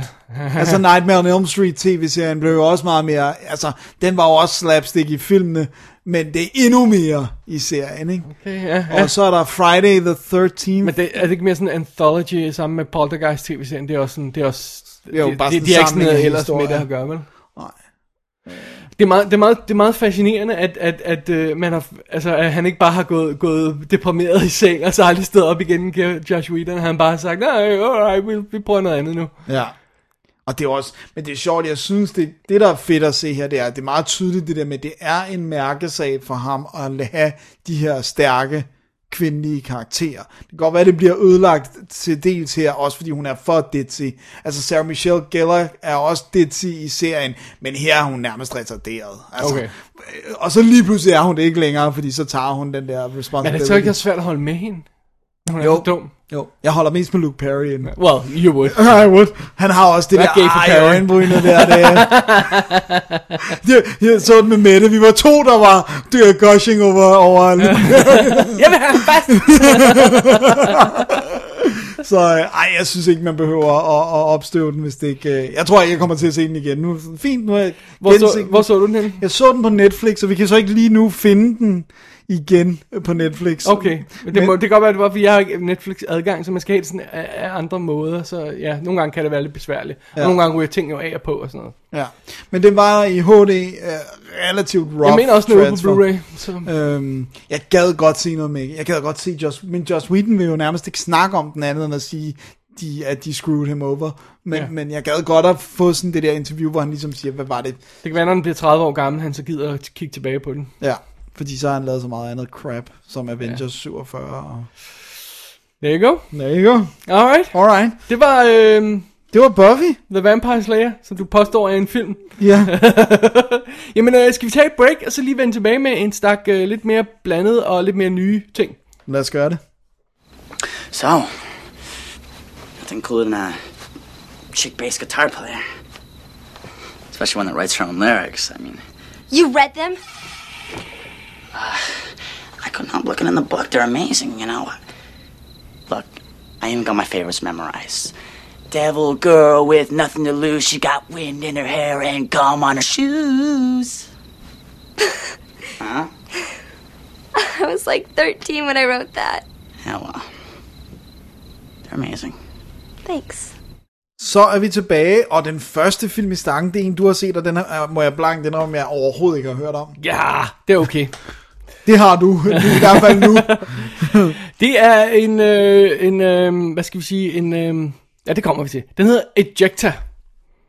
Øh, og det, det lyder som sådan noget øh, semi-pornografisk noget, hvis jeg må have lov til at sige det.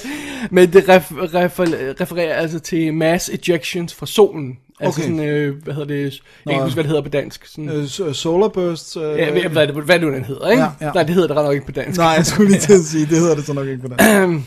Instrueret af Chad Archibald og Matt Wheel, som øhm, jeg ikke kender, har- som, ikke, som, som jeg ikke ved, hvem er. Det er en kanadisk produktion, er det ikke? Eller sådan, det, Det, det muligvis.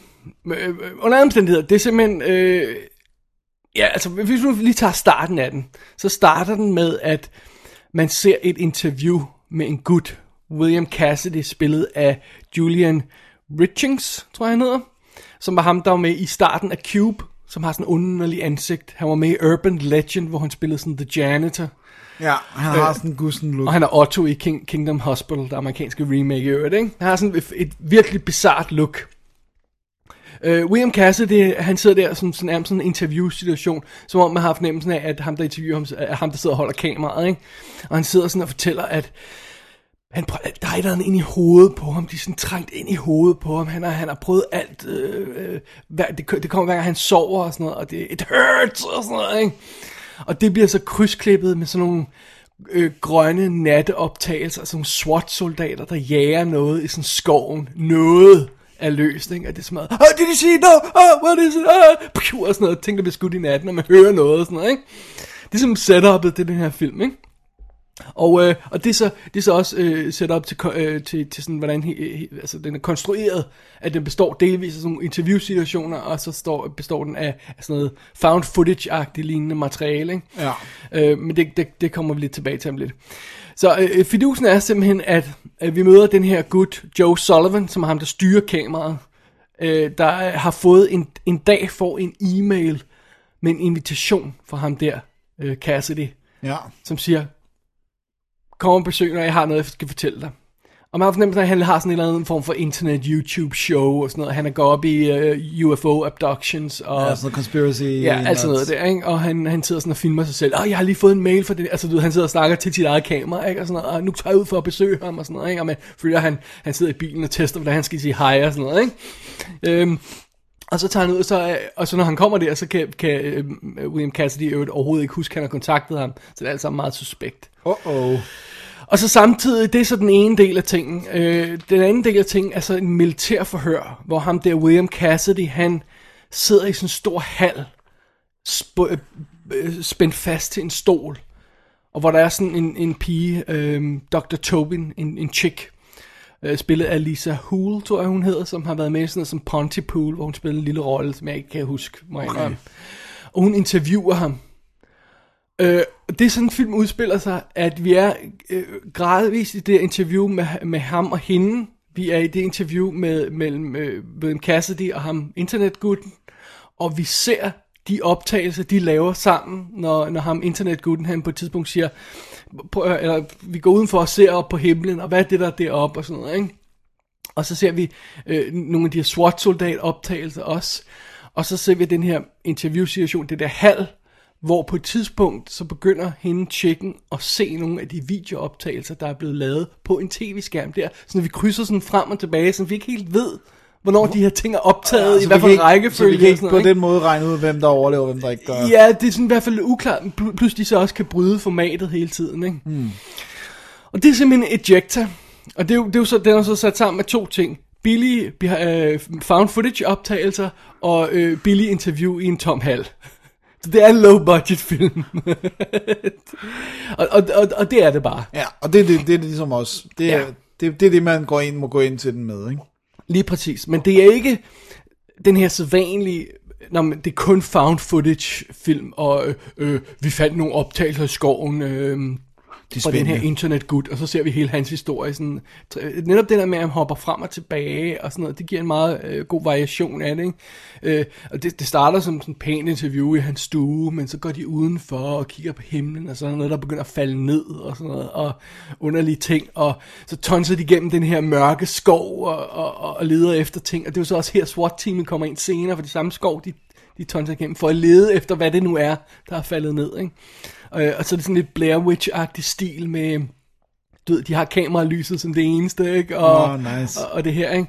Samtidig med, at vi så går tilbage til det her militærforhør hele tiden, hvor det sådan, hun er sådan helt vildt underlig, hende der intervieweren. Sådan, Hej, hvordan går det? Åh, ej, godt stemning og sådan noget, ikke? Mens hun gør de modbydeligste ting ved ham. Oh. Og, og, øh, og, hvad hedder han? Øh, Julian Ri- øh, Richings, han kan, jo, han kan jo det her, han simpelthen kan, han, kan, han, har det, han er meget tynd, og han har det her virkelig underlige ansigt, så han kan forvride sit ansigt i de her groteske øh, ansigtsudtryk, ikke? hvor han bare ser ud som om han er udsat for det værste pinsler, du overhovedet kan forestille dig. så han Nice. sidder der og bliver tortureret imens. Øh, og, og, og, og det synes jeg, jeg synes, det er en meget fed kombination af stilarter. Og, og, og ja, det er low budget, men jeg synes alligevel inden for de low budget rammer, at de sådan har, de formår at lege nok med ideen til det spændende.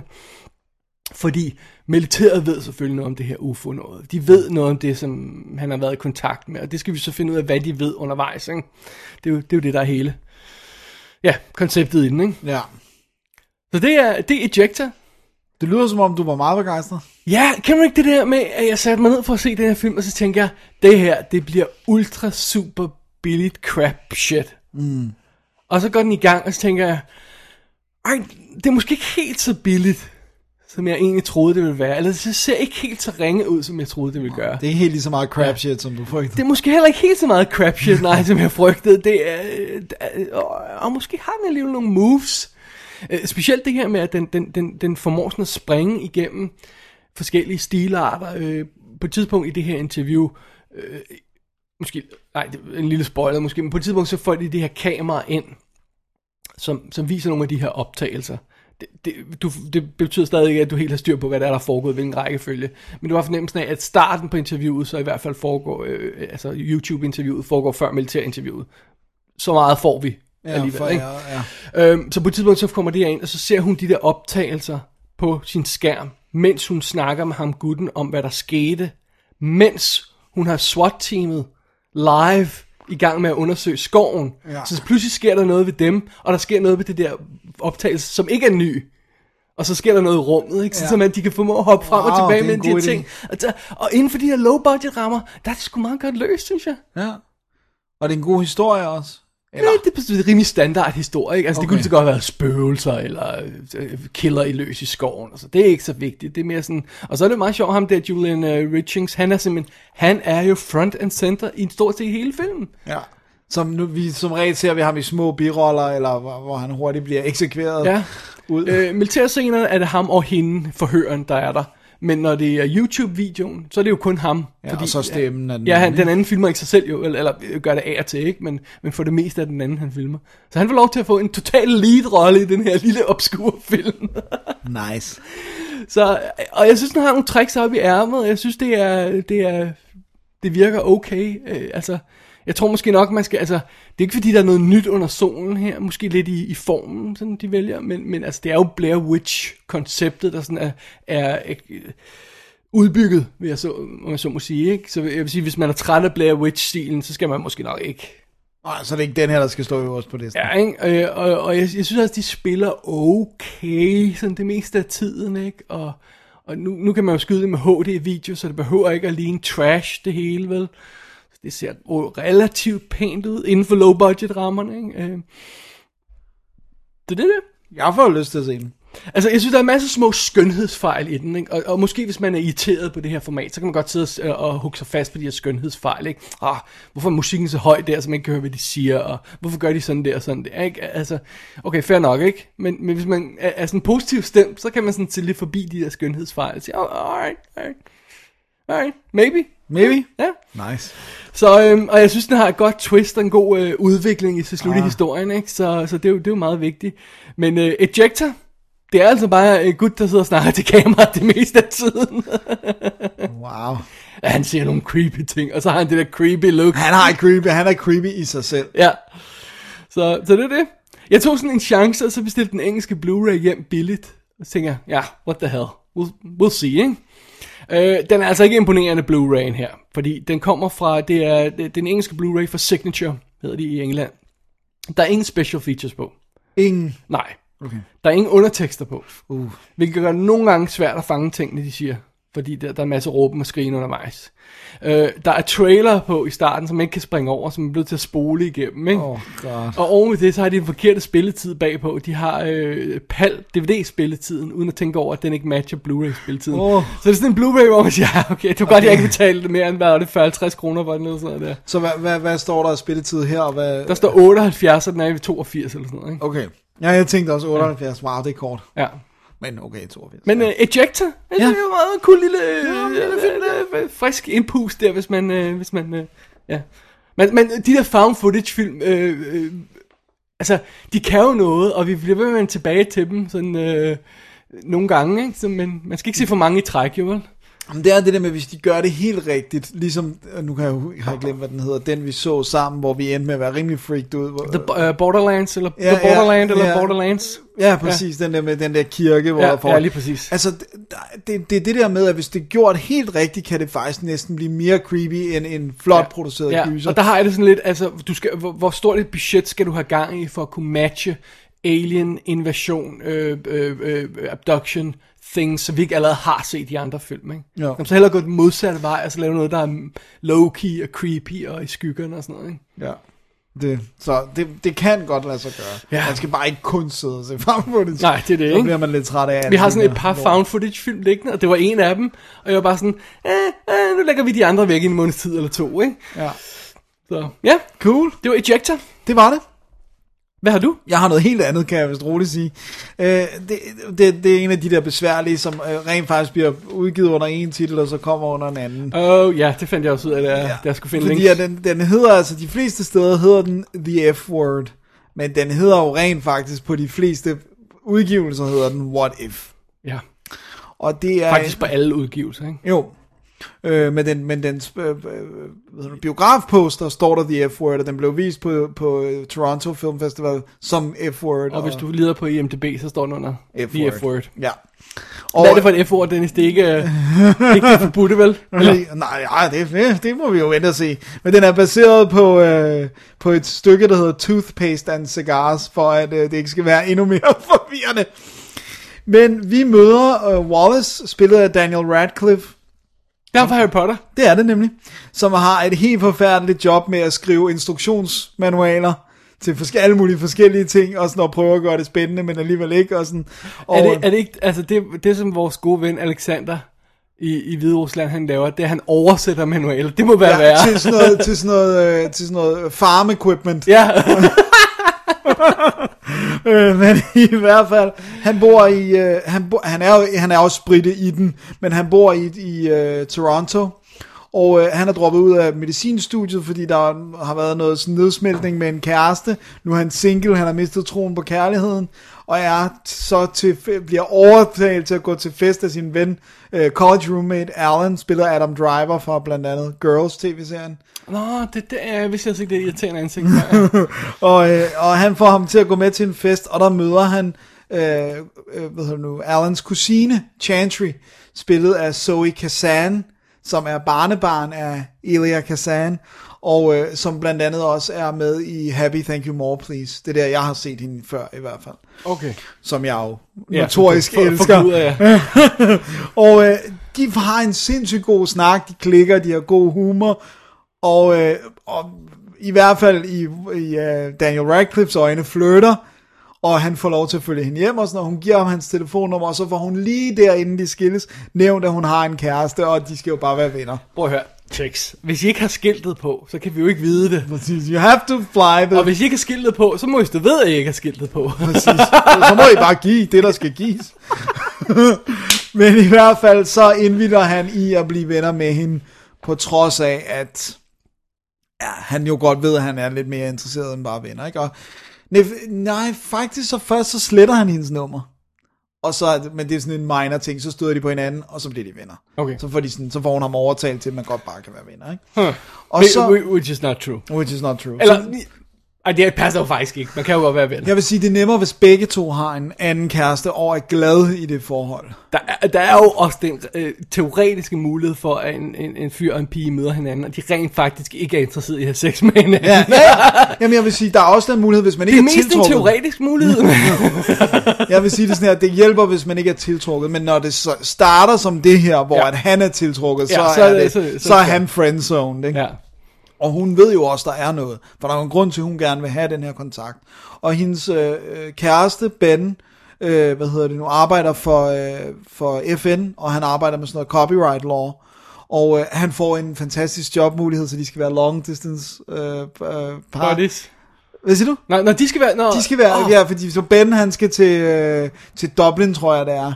Øh, Oh yeah! Og så er de jo så alene og sådan noget. Så kan Harry gå til den. Præcis, og, og hun er meget kreativ. Hun arbejder som øh, animator, så der er nogle fede sekvenser, hvor at der kommer sådan anima- hendes animationsstil bliver lagt ind over tingene, det hun tænker og føler og sådan noget, lavet ret fint. Og så, øh, Kunne være lidt kvalmende. ja, det er det ikke. Okay. Det er meget små sådan, detaljer. Det er sådan, også fordi de, de laver sådan nogle specielle animationsfilm, som bliver projekteret på huse og bygninger og sådan noget. Så det er sådan, Okay. det virker rigtig godt. Og så, Okay, jeg tillader det. Og så langsomt selvfølgelig bliver deres venskab tættere, og hvad sker der og sådan noget. Og det er det. Ja. Det har vi hørt tusind gange før, men det gør det jo ikke nødvendigvis en dårlig historie. Fordi det, der er interessant med og det, jeg synes, man skal vide up front med uh, What If, det er at historien har du set i varianter tusind gange. Det du ikke har set, det er den kemi, der er mellem Daniel Radcliffe og Zoe Kazan. Eller det kan godt være, du har set. Altså, basically Han så... er en lille charmer. Han er en lille charmer, og hun er yber cute. Jeg synes, hun er vidunderlig. Er hun tror- Pixie Dream Girl? Hun er lidt Pixie Dream Girl, men alligevel ikke. Altså, hun, jeg tror, der er mange, der vil sige, nej, hun er ikke noget specielt, men jeg synes det, når, når man ser hende spille, og altså, hun er meget levende, så jeg synes virkelig, hun har et eller andet. Og, øh, og altså, du ved, er alle Woody Allens film, er de super originale, altså sådan på plottet, nogle af dem er selvfølgelig, men det er jo ikke dem alle sammen, der er. Det, men det er dialogen, det er måden, det er præsenteret på, det er humoren. Jeg synes, altså det mest episke, øh, et af de mest episke quoter, de bruger det også i traileren, det er, hvor Daniel Radcliffe kommer hjem til, til ham, øh, vennen her, og han, så tager han sådan nogle nachos ud af en ovn, og sådan meget varme, stiller på et bord, så siger han, I just had sex and, I, and I'm about to eat nachos. This is the greatest moment of my life! altså, du ved, og, sådan, og han råber det virkelig sådan, og så siger han, med mindre det, du har tænkt dig at sige det, til mig nu, det kommer til at ødelægge mit boss.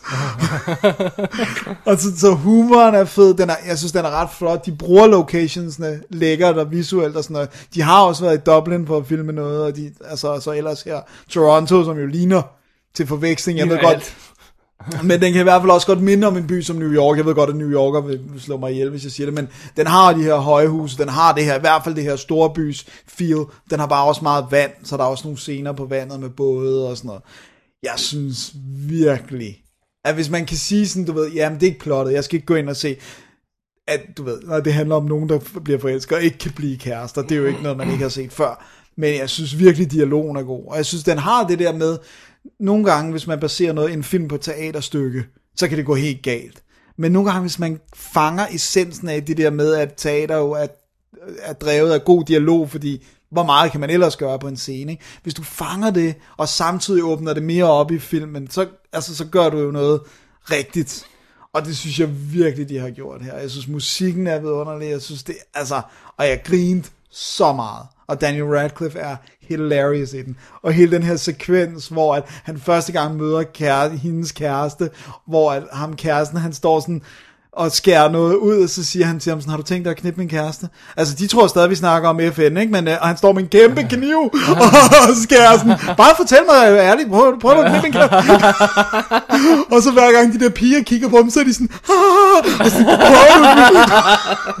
og, du ved, og den der aften, der udvikler sig sådan værre og værre med kæresten, han så kommer til at knuppe jalapenos i øjnene, og så skal Daniel Radcliffe hjælpe ham for at skubbe ham ud af et vindue, og det er hilarious. Okay, så der er også lidt slapstick. Der er også lidt slapstick, og, og, og, og så er der bare, altså, Prøv at høre, Daniel Radcliffe, han, han er en lille filmstjerne. det, han er totalt en lille film. Altså, vi elskede ham også i... Uh, i Woman in Black. Woman in Black, ikke? Um, Og jeg glemmer, for du kan også godt lide December Boys, jeg har ikke set den endnu. og det ligger lidt langt tilbage. Ja, men, men, men jeg synes i hvert fald, det som jeg, man kan sige, der er hans, ikke hans største præstation, men i hvert fald er en stor præstation, det er, at jeg glemmer, at det er Harry Potter. Ja, ja, det gør jeg også. Og, og det, det er ikke kun, at han ikke har briller på, Nej, og han er blevet mere voksen, men han spiller anderledes. Han Ja, spiller det ikke jeg den... også, da jeg så det der Horns, som jeg, ellers ikke var sådan specielt vild med, men altså... Man, man tænker ikke over det. Jeg synes ikke, man tænker over det mere. Jeg synes, Nej. han er en skuespiller, øh, In his own right, ja, ikke? som bare tilfældigvis også var noget. En fast karakter, ja. ja. som, som mange godt kunne lide og sådan noget. Ikke?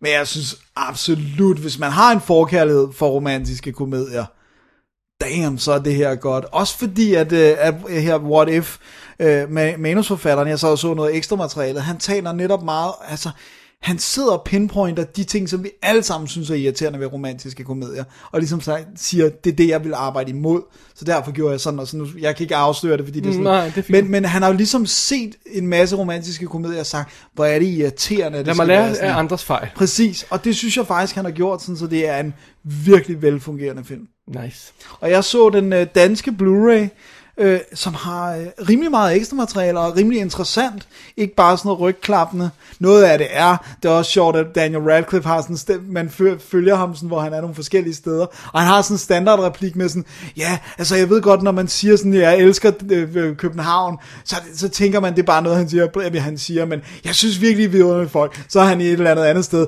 Altså når man siger, men det var sådan, lidt, dude, du, du øh, afslører lige dig selv. Men det er sjovt, fordi at på den danske Blu-ray øh, er der med, at han var, der var åbenbart en eller anden gallapremiere på den her, hvor han var Wow. Så han er i Imperial, og man får, får, lidt af noget Q&A, og han fortæller, hvorfor han gerne vil lave den her film, hvad det var, der tiltrak ham ved den, og man, det er en god pakke. Cool. Står godt. Alright. Lækker film. Jamen, øh, what Instru- if? instrueret Michael Dawes, som lavede Goon. Den er god! Ja, så det er jo, øh, alt, alle, alt er i kortene, og hun er sød. Åh, Hun er så sød. åh. Alright, Alright, det var What If. jamen øh, vi kører videre øh, i de relativt nye film. Hvornår var den der fra? Var den fra 2013? Ja, men, det- men det er jo øh, det er jo Toronto Film Festival. Ja, okay. Den havde jo bifremiere her sidste år. Alright. Eller i år. Jeg har en 2014-film. Dennis, jeg fortsætter min serie af dokumentarfilm om, øh, om filmproduktion med meget lange titler. Ja. Det er fordi sidste gang så du øh, Canon-historien. Ja, Ja, sige titlen. Og, og hvad, hvad var det? Bo- Bo- Electric Boogaloo, The Untold Story of Canon Pictures. Var det sådan, det var? Der var mere til det. Nå, Det var der længere, mere? Jeg Okay. kan ikke huske det nu. jeg havde glemt titlen nærmest øjeblikkeligt efter, jeg havde anmeldt den. Nå, jeg har fat i Lost Soul, The Doomed Journey of Richard Stanley's Island of Dr. Moreau. Wow. Det må kunne siges kortere. det, det kan det næsten ikke. Man kan måske fjerne uh, The Doomed Journey, men, mm. uh, men uh, Stanley, Stanley, Richard Stanley's Island of Dr. Moreau, det skal jo ligesom med, fordi det er jo det, det hele handler om, ikke? Jo. Så øh, den er instrueret af David Gregory, som åbenbart har lavet en masse behind the scenes extras og sådan noget, som har credits på det. Og, øh, og så er den med, med folkene bag, øh, hvad hedder det, Island of Dr. Moreau, altså Richard Stanley, den oprindelige instruktør, Farusha Balk, øh, Marco Hofs, Hofschneider, øh, Rob Morrow, alle de her folk. Øh, Oh, de har fået fat i producerne bag- Ron Perlman også. øh, nej, ikke Ron Perlman, ikke Frankenheimer, øh, men, men øh, det kommer vi tilbage til Okay. alt det her. Øh, hvad hedder det? Øh, og det er jo simpelthen historien om den kære Richard Stanley, der prøvede at lave øh, The Island of Dr. Moreau, øh, H.G. Wells' roman. Ja. Og filmen starter her med en, en øh, altså etablering af, hvem er Richard Stanley? Du, vi får, får lige glemt fra Hardware-filmen, som vi har anmeldt i Double tidens morgen. Ja. Vi får at vide, at øh, han lavede Dust Devil. Som er awesome. Og, øh, og så øh, får vi at vide, at han har en stor passion for, for, for Island, of, Island of Dr. Moreau, siden han var barn. Og slam, så, så kommer credits på, og så er vi i gang. Så det er sådan ligesom starten på det hele, ikke? Ja. Øh, og det, det, det, er jo så, det er jo så meget spoil, fordi det, det, det er jo sådan blevet en mini-subgenre nu af film, øh, dokumentarfilm om film, der aldrig er blevet lavet. ja, og det er altid en heartbreaking experience, ja. eller i hvert fald var, der kommer det der om Superman, ikke? Den ser painful ud, ja. Ja. Vi husker Lost in La Mancha, selvfølgelig med Terry Gilliams øh, film der. Øh, og, og der var også Jodorowskis Dune, Dune for eksempel, ja. som jeg har anmeldt allerede. Ikke? Så der er, og der er vist nok også flere. Ja, der er en del. Ja. Var der noget øh, ba- Batman med... Nej, var der også Superman med... Hvad fanden var det? Ja, der, er, Der, der var noget mere. ja, ja men jeg, jeg kan bare huske i hvert fald, at, øh, at Kevin Smith har i hvert fald i sine Q&A's ja. ofte snakket om, og igen, den der Superman, der faldt fra hinanden, ikke? Ja. Meget fascinerende. Ja. Nå, men, men filmen starter her sådan meget stille og roligt med, med interviews med Richard Stanley, der simpelthen fortæller om hans obsession med, med, med Island of Dr. Moreau, bogen, og, og de andre filmudgaver, der var, altså 32-udgaven, Island of Lost Souls, 77-udgaven, og, og alt det her. Og, og der var aldrig nogen, der rigtig knækkede den, og, og, og, og det er så det, han forsøger at lave, og han går så i gang med at lave det her manus, og fidusen er jo, han har ikke rettigheden til det. Nej. Så han skal have New Line på, øh, fordi så skal de købe rettigheden, for det har han ikke råd til. Og, øh, og, og så pludselig er der, altså, er der sådan noget med, at, at, at, at øh, når man så, øh, de begynder at sætte den her produktion op på New Line, så er det bare sådan noget med Richard, eller hvad hedder det, Marlon Brando på, yes, cool nok, så kan vi få Roman Polanski som instruktør. Og så er det bare, wait, what, what happened? og så sidder han der, og så er hele hans projekt forsvundet, ikke? Og, og så mødes han med Marlon Brando, og siger, nej, nej, I like this guy, og så, og så er han på igen, og sådan noget, ikke? Så allerede der fra start får vi sådan en idé om, at, at den her produktion er bare, it's not gonna go well. Nej. Det, det lyder som om, det er doomed. Ja, og, øh, og han, han står i starten, så står han der og viser de her tegninger og skitser. De scanner nogle af dem ind, så vi får dem set rigtig godt. Han har lavet virkelig stort post, øh, pre-production work på den. Ikke? Storyboards og, og sådan farvetegninger og sådan noget. Og øh, det, det går enormt hurtigt, når historien bliver fortalt her i starten. Vi skal søge hen til pointen med, at han bliver fyret. Øh, med alle de her idéer, han har, og hvor voldsom og blodig den er, og hvor kinky den er, og hvor og vild den skal være, og de her dyr på den her ø, som Dr. Moreau har lavet, og Sex. Ma- masser af sex. sex med dyr, og sex med problemer, og alt sådan noget. Og så er det jo, han kommer ind i den der med, jamen, med, med, han bliver fanget i den der med, jamen, hvis vi skal have en stor produktion, så skal vi også have stjerner, ikke? Og så skal vi have, vi skal have Bruce Willis ind, vi skal have, have Val Kilmer ind, og, og, og, så er det begynder stille og roligt, begynder han at miste greb på det, og så begynder det at gå op for folk, at han rent faktisk ikke kan instruere en, en, øhm, en hvad hedder det, en major motion picture, fordi han har bare ikke den type. Nej. Og, og, og der sker jo så simpelthen det, at efter, efter, efter kort tid, så bliver han simpelthen fyret fra projektet, og bedt om at forlade projektet, og så forsvinder han. Ja. Øh, øh, de ved ikke, hvor han er. Ganske enkelt. Og så hiver de John Frankenheimer ind til at lave filmen færdig, og The Rest is History, han laver en shitty film. Alle hader den. Marlon Brando hader den, Val Kilmer hader den, alle opfører sig som svin. Og de, de, de får den lavet, og de får den i biffen, og de fortjener lidt penge. De mister mindre penge, end de ellers ville have gjort. Men det er jo, det er jo bare kaos, ikke? Jo. Så det her, det er i virkeligheden en, en dokumentar, altså Lost Soul er en dokumentar i to dele. Den første er en making of på Richard Stanley's Island of Dr. Moreau, og den anden er en making of på John Frankenheimer's The Island of Dr. Moreau. Så man får simpelthen det her skift i midten, hvor ja. Richard Stanley næsten holder op med at være med i historien. Ja. Hvor man følger øh, behind the scenes på sættet af, af Frankenheimers film, hvor det hele bare kører af sporet, ikke? Jo. Men ved vi, at Rich, altså, kan vi decideret sige, at Richard Stanley ikke kunne instruere en stor film, eller fik han bare ikke chancen? For er det ikke sådan noget med tre dage inden, så tager de den fra ham? Eller Nej, nej det, det, det er lidt uklart, også fordi hvor mange optagdage har de, for det er sådan noget med, når så er vejret imod dem, så kan de ikke optage noget alligevel, og sådan noget. Så det er lidt det er uklart helt præcis, hvor lang tid der går. Men det er sådan noget som, at Val Kilmer dukker op, og så siger han, uh, du ved, uh, I'm the boss here, ikke? Ja. Og Richard Stanley er, er måske ikke personen, der, der kan, åbenbart ikke personen, der kunne gå ind på den rigtige måde og sige til Val Kilmer, nej, det er du ikke. Det er mig, der er bossen. Ja. Øh, og, og, og, og, og, og bare det, at han ikke kan gøre det, betyder, at han kan ikke lave den her type film med den slags Nej, for stjerner. han skal kæmpe med de der egoer. Ja. Og... Men han er også rimelig, relativt ung stadigvæk, ikke? Ja, og-. Jo, relativt ung, ikke? Og, og det er så fedt for Ferrucia Balk. Elsker ham. Hun elsker ham. Hun siger, vi er begge to freaks. vi passer så godt sammen. Vi er instantly venner. Og hun siger, simpelthen, hun vil forlade hele produktionen og, og, øh, og, øh, og, og, og pisse på alle og, og, og suge alle og sådan noget, når han går. Ikke? Og så siger hendes agent, no. Det vil du så ikke. Nej, det vil du ikke. Ikke hvis du vil work in this town again. Åh, oh, man. Så hun blev til at blive der og sådan noget, ikke? Men, men hun siger det meget præcis. Hun siger simpelthen, han havde brug for en stærkt øh, assistant director. Han havde ja. simpelthen brug for en, der stod og råbte på sættet og sørgede for, at alt var klar til ham. En, der havde hans back, en, der hjalp ham. Og hun siger det simpelthen, det havde han ikke. Det var derfor, det faldt sammen. Åh, oh, man, det er synd, ikke? Ja. Og prøv at høre. De historier. Du, du sidder der og så siger, ej, du ved, så starter historien om, men vi, vi sætter produktionen op, og vi skal have Brando på alt det her, og vi skal have øh, øh, Bruce Willis og James Woods på, ikke? Og, og så er det lavet sådan en fake filmplakat med, med dem, og, så- om så ryger Bruce Willis af, så kommer med uh, Will Kilmer ind og sådan noget, og så sidder man der og tænker, ah, prøv at høre, jeg ved godt, Hollywood er skørt, men altså, så skørt er det jo ikke vel, come on. Det, nu må vi, ikke? og det er nothing, fordi det det stille og roligt, bliver filmen mere og mere vanvittig. Og de her historier, de er insane. Ja. Så, sådan kan man jo ikke lave film. Nej, obviously kunne man heller ikke.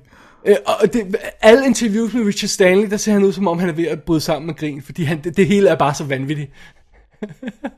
Det er sejt.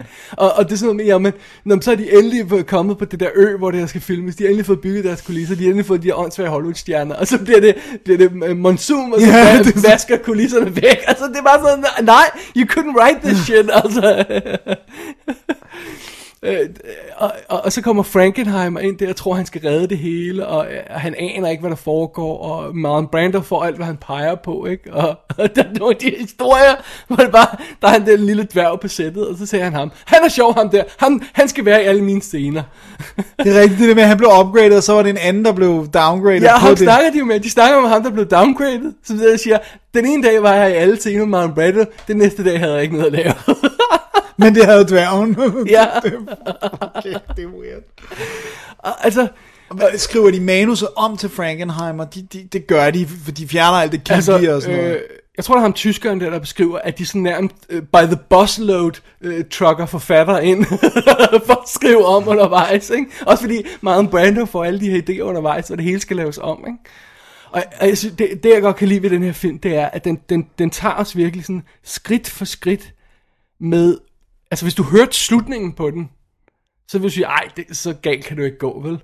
Men når du så hører starten, og så hører trin for trin, hvor det går galt, så kan du sige, alright, okay, jeg kan godt se, hvorfor det, det løb så meget af sporet. Ja, de bliver ved med at gøre det forkert. Der var ingen, der trække bremsen på noget af det her tidspunkt, ikke? Wow. Og på et tidspunkt, en af gut fra, jeg tror det er New Line, der sidder der og fortæller, der var sådan en stemning på New Line, det var sådan, lad os se, hvad der sker, hvis vi bare lader slå til, ikke?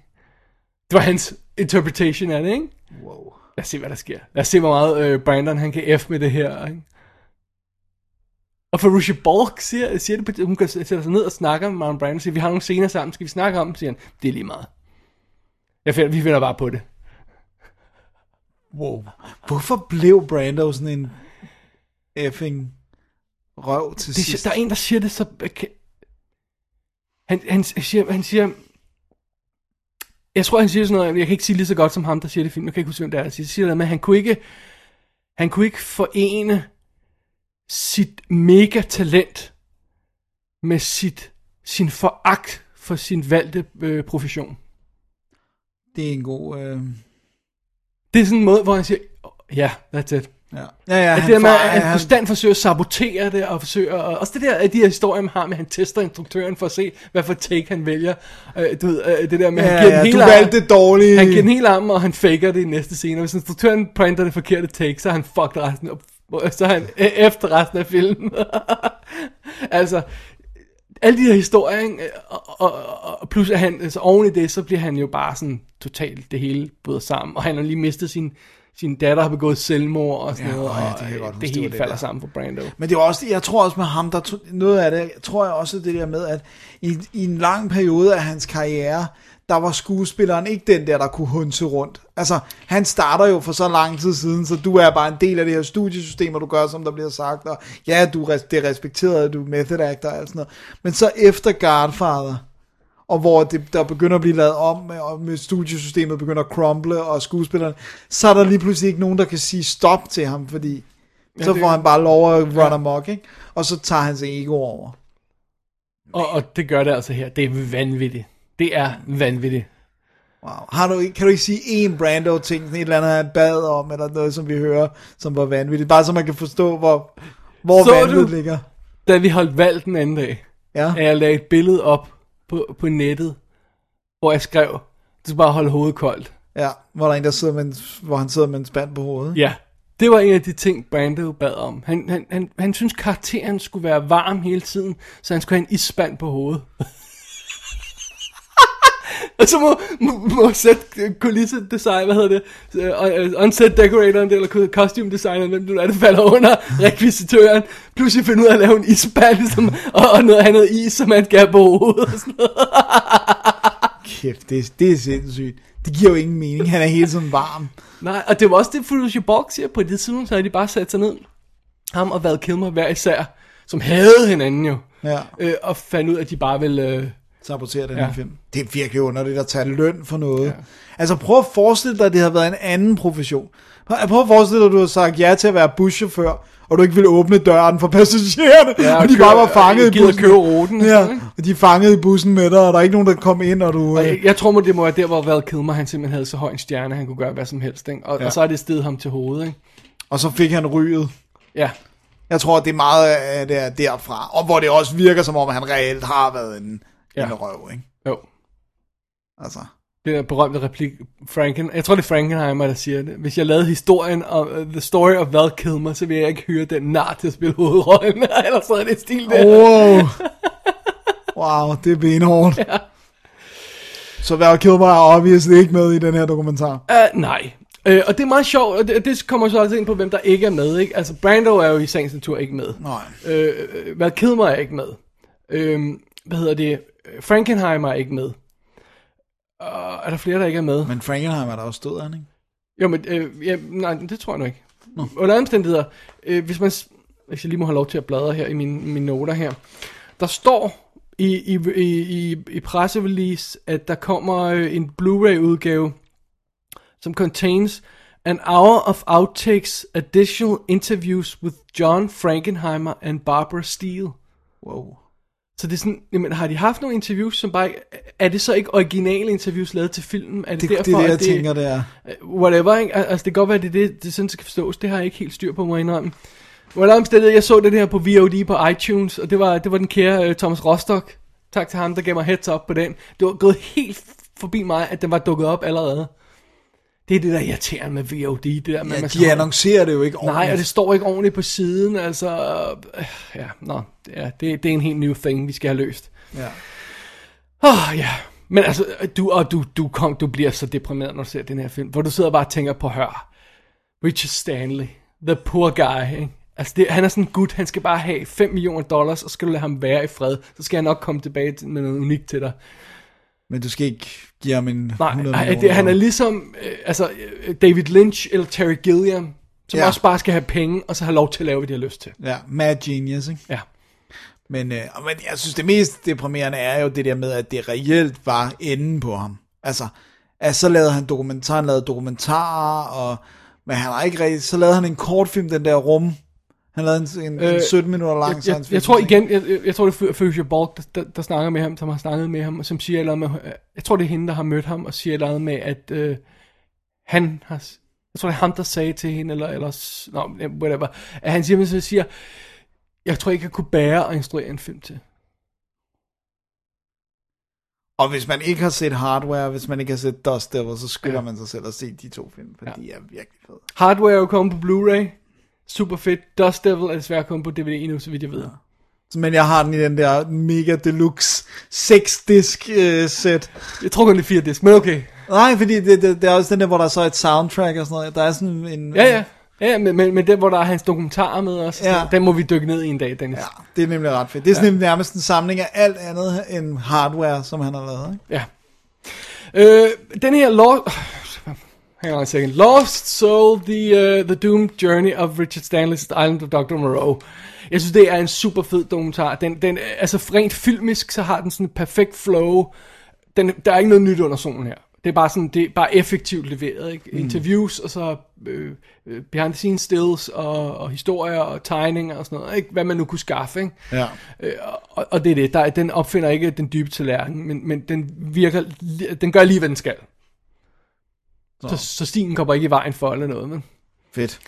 Og, øh, og så som sagt, så står den til at komme på Blu-ray med en, hvad, skal, hvad står her, en Special House of Pain Edition, som indeholder en DVD med den, øh, med den fortabte 1921 tyske udgave af Island of Dr. Moreau, eller øh, øh, Lost Soul, hvad hedder den? Ja. Og en tredje disk, der har en helt ny audiobook recording af H.G. Wells' Island of Dr. Moreau, læst af... Richard Stanley. Yes. Nice. den skal jeg så hårdt have.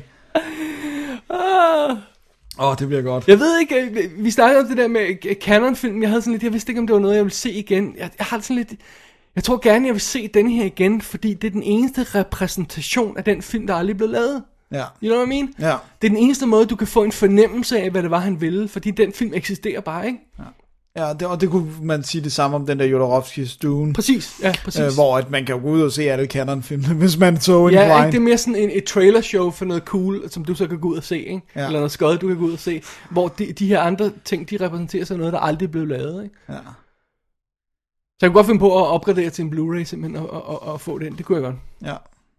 Nice. Ja, Cool. det var Lost Soul dokumentar. Ja. Det lyder godt nok deprimerende, men også det er cool.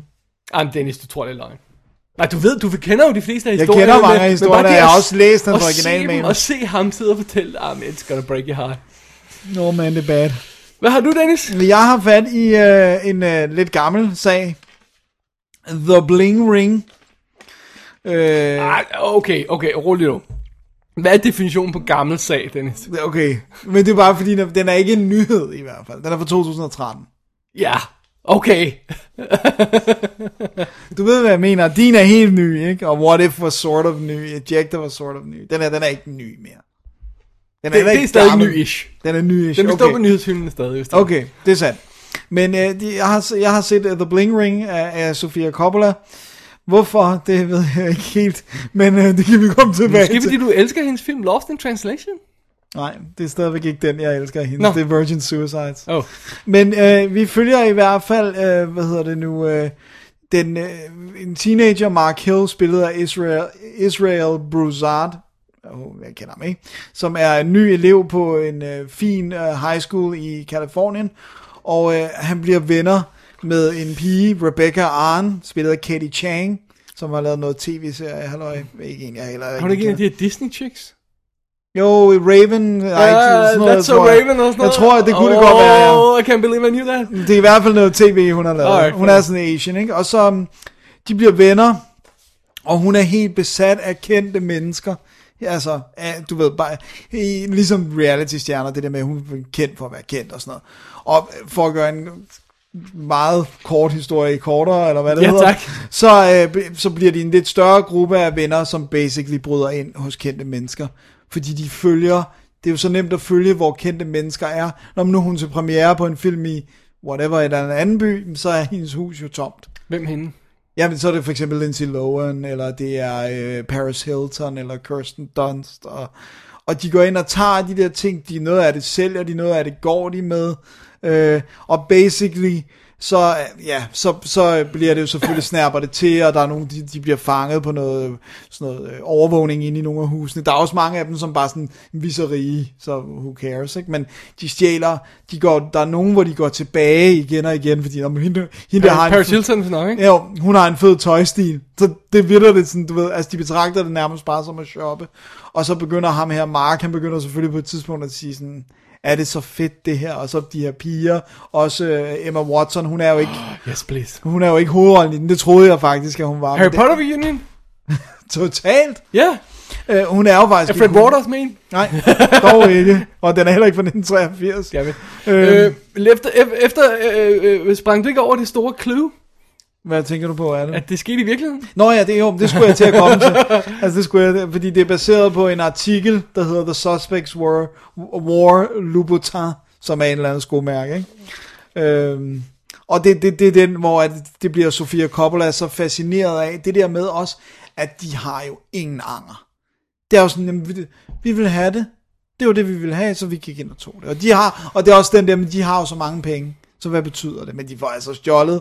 Jeg kan ikke huske, de siger til sidst i filmen, hvor meget det rent faktisk beløber sig til. Og det er altså millioner.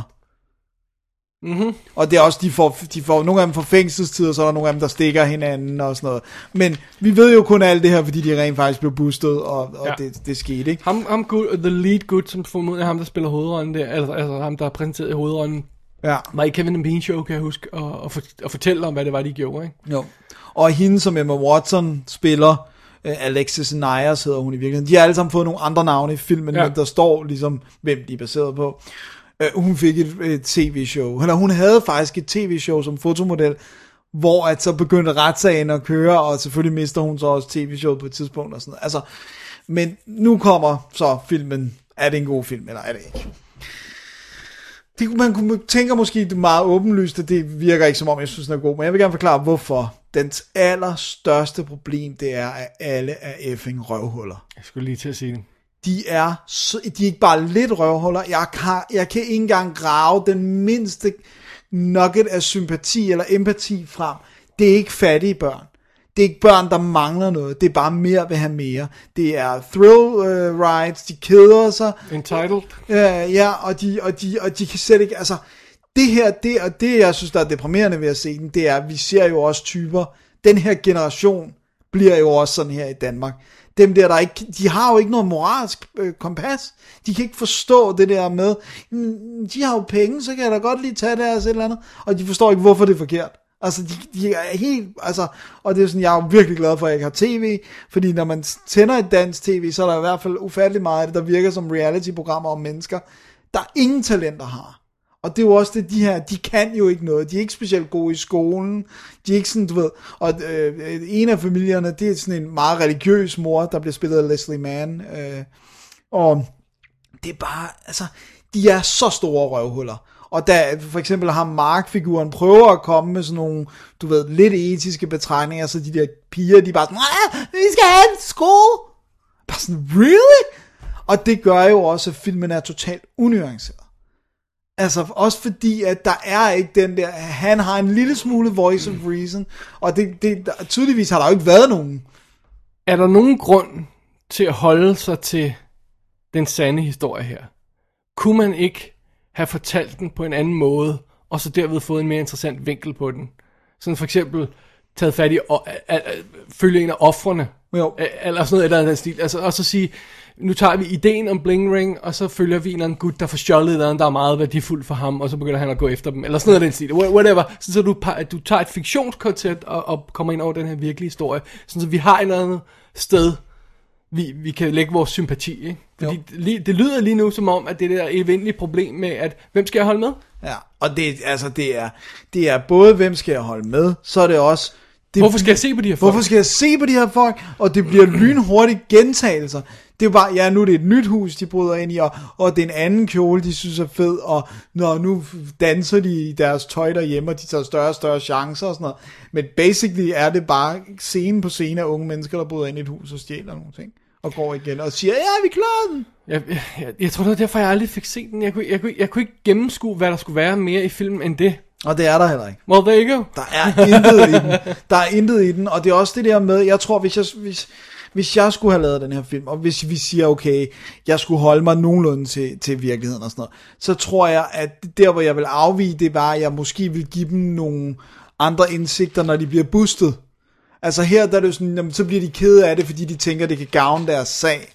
Men der tror jeg, det ville have været mere interessant, hvis de rent faktisk begyndte i filmens univers at få nogle etiske overvejelser og sige, okay, måske er det ikke så fedt, det vi har gjort og lavet, eller de møder måske Paris Hilton, som siger, hvorfor, altså, hvorfor gjorde I det her? Eller, altså, man kunne godt have gjort taget Men måske der- en anden person. Ja, ja. Du ved. øh, men i hvert fald, så, så ender det med, at det bare er, altså man sidder, det er vildt, du sidder bare og ser på ting, der sker foran dig, og så tænker, nå ja, hvornår slutter den her film? Er den flot? Sort of, altså det er jo ham, uh, Harry. God stemninger? Nej, det er der ikke. God musik? Sådan god rytme? Ja, jo, der er meget af det er jo sådan noget tids, altså øh, typisk popmusik. Så nej, sådan noget, ikke musik. Nej, God ikke særlig god musik heller. øh, og det blev den sidste fotograf for Harris Savides. No! Jo, for han døde af, af, af kraft i hjernen, øh, mens filmen var i post, så den er også dedikeret oh. til ham. Og han har altså lavet nogle gode ting. Han har også lavet nogle gode ting for Coppola. Game? Var ikke ham, der skød Game? Jo. Før, for, for Fincher, før han fik... Øhm, Nå, jo, jo, før han øh, Cron- hoppede over på... Cronenworth, ja. ja. Øh, så der, der er selvfølgelig nogle enkelte skud, men... Man, jeg synes, det er en dårlig film. Altså, jeg synes virkelig, det er en dårlig film.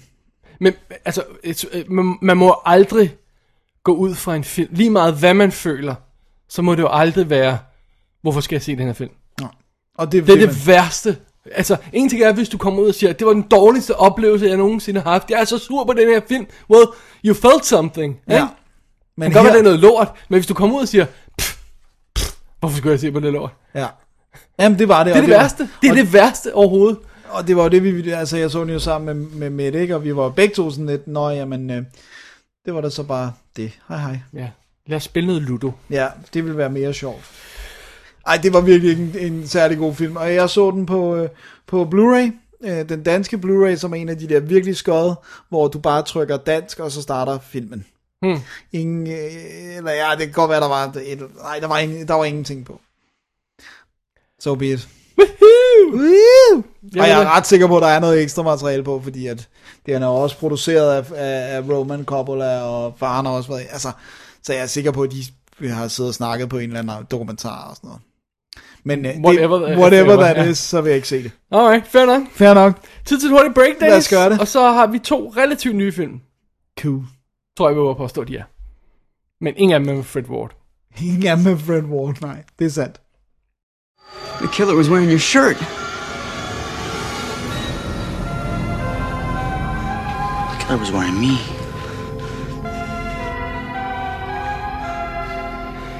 I'm the killer. And I'm gonna call 911. What's the number? Så er vi tilbage, og øh, det er en film, vi begge to har set, men du har lige set den. Ja. Og jeg så den i biffen, for, øh, ja, da den havde premiere herhjemme i februar og marts måned. Ja. Og, sådan noget. og det er jo øh, Paul Thomas Andersons seneste opus. Han laver ikke korte film. Indeed. Uh, Inherent Vice. Dennis, uh, hvordan er det, vi har det med Paul Thomas Anderson? Altså, vi kan godt lide Alien vs. Predator, ikke? Og... Sorry. Never gets old. Okay, gets old. Hard Eight har jeg aldrig set. Det er jeg ikke. Boogie Nights, love it. Love it. Magnolia, kan ikke udstå den. Love it. Punch Drunk Love, aldrig set den. B- meget blandet forhold, vil jeg sige. Okay, There Will Be Blood, kan Hader ikke udstå den. The Master, kan ikke udstå Jeg har ikke set. Alright. Men du har i hvert fald en endnu mere shady forhold til ham, end jeg har. Så det er basically Boogie Nights, som jeg kan lide. Ja, That's it. that's it. Alright. Og øh, filmen her, Inherent Vice, er baseret på en roman af Thomas Pynchon. Ja. Har du læst den? Ikke den, men øh, jeg har læst andre hans... Altså, jeg har læst øh, starten af den, og synes, at det var for poppet. Altså, Thomas Pynchon er jo notorisk for at skrive bøger, der nærmest er uigennemtrængelige. Og så lige pludselig var det bare sådan standard, nærmest standard krimi-agtigt. Selvfølgelig med hans twist, og sådan, ej, det her, det gider jeg ikke. Okay. Jamen, det er fint nok. Øh, ja, vi er i 1971. Apparently. Ja. Og, øh, og vi møder Joaquin Phoenix, som spiller Larry Duck, kalder de ham. Sp- uh, Sportello. Larry Sportello. Sportello. Ja. Ja. Og øh, fidusen er lidt med den her, det her plot, er, altså vi bliver rodet ind i, er jo, det er lidt kompliceret. Så, så hvis vi nu tager den, den helt simple måde at gå til den her historie på, så er udgangspunktet, anslaget for historien er, at ham her gutten, Doc, er detektiv, Ja. privatdetektiv, og øh, hans ekskæreste, som hedder sådan en eller anden besønderlig, hvad hun hedder, øh, ja, Shasta, Ja. hun, øh, hun øh, spillet af Catherine Waters, Waterston. Joaquin Ja. Phoenix spiller hovedrollen. Øh, hun, øh, hun kommer til ham og siger, at hun måske har problemer med sin nye kæreste.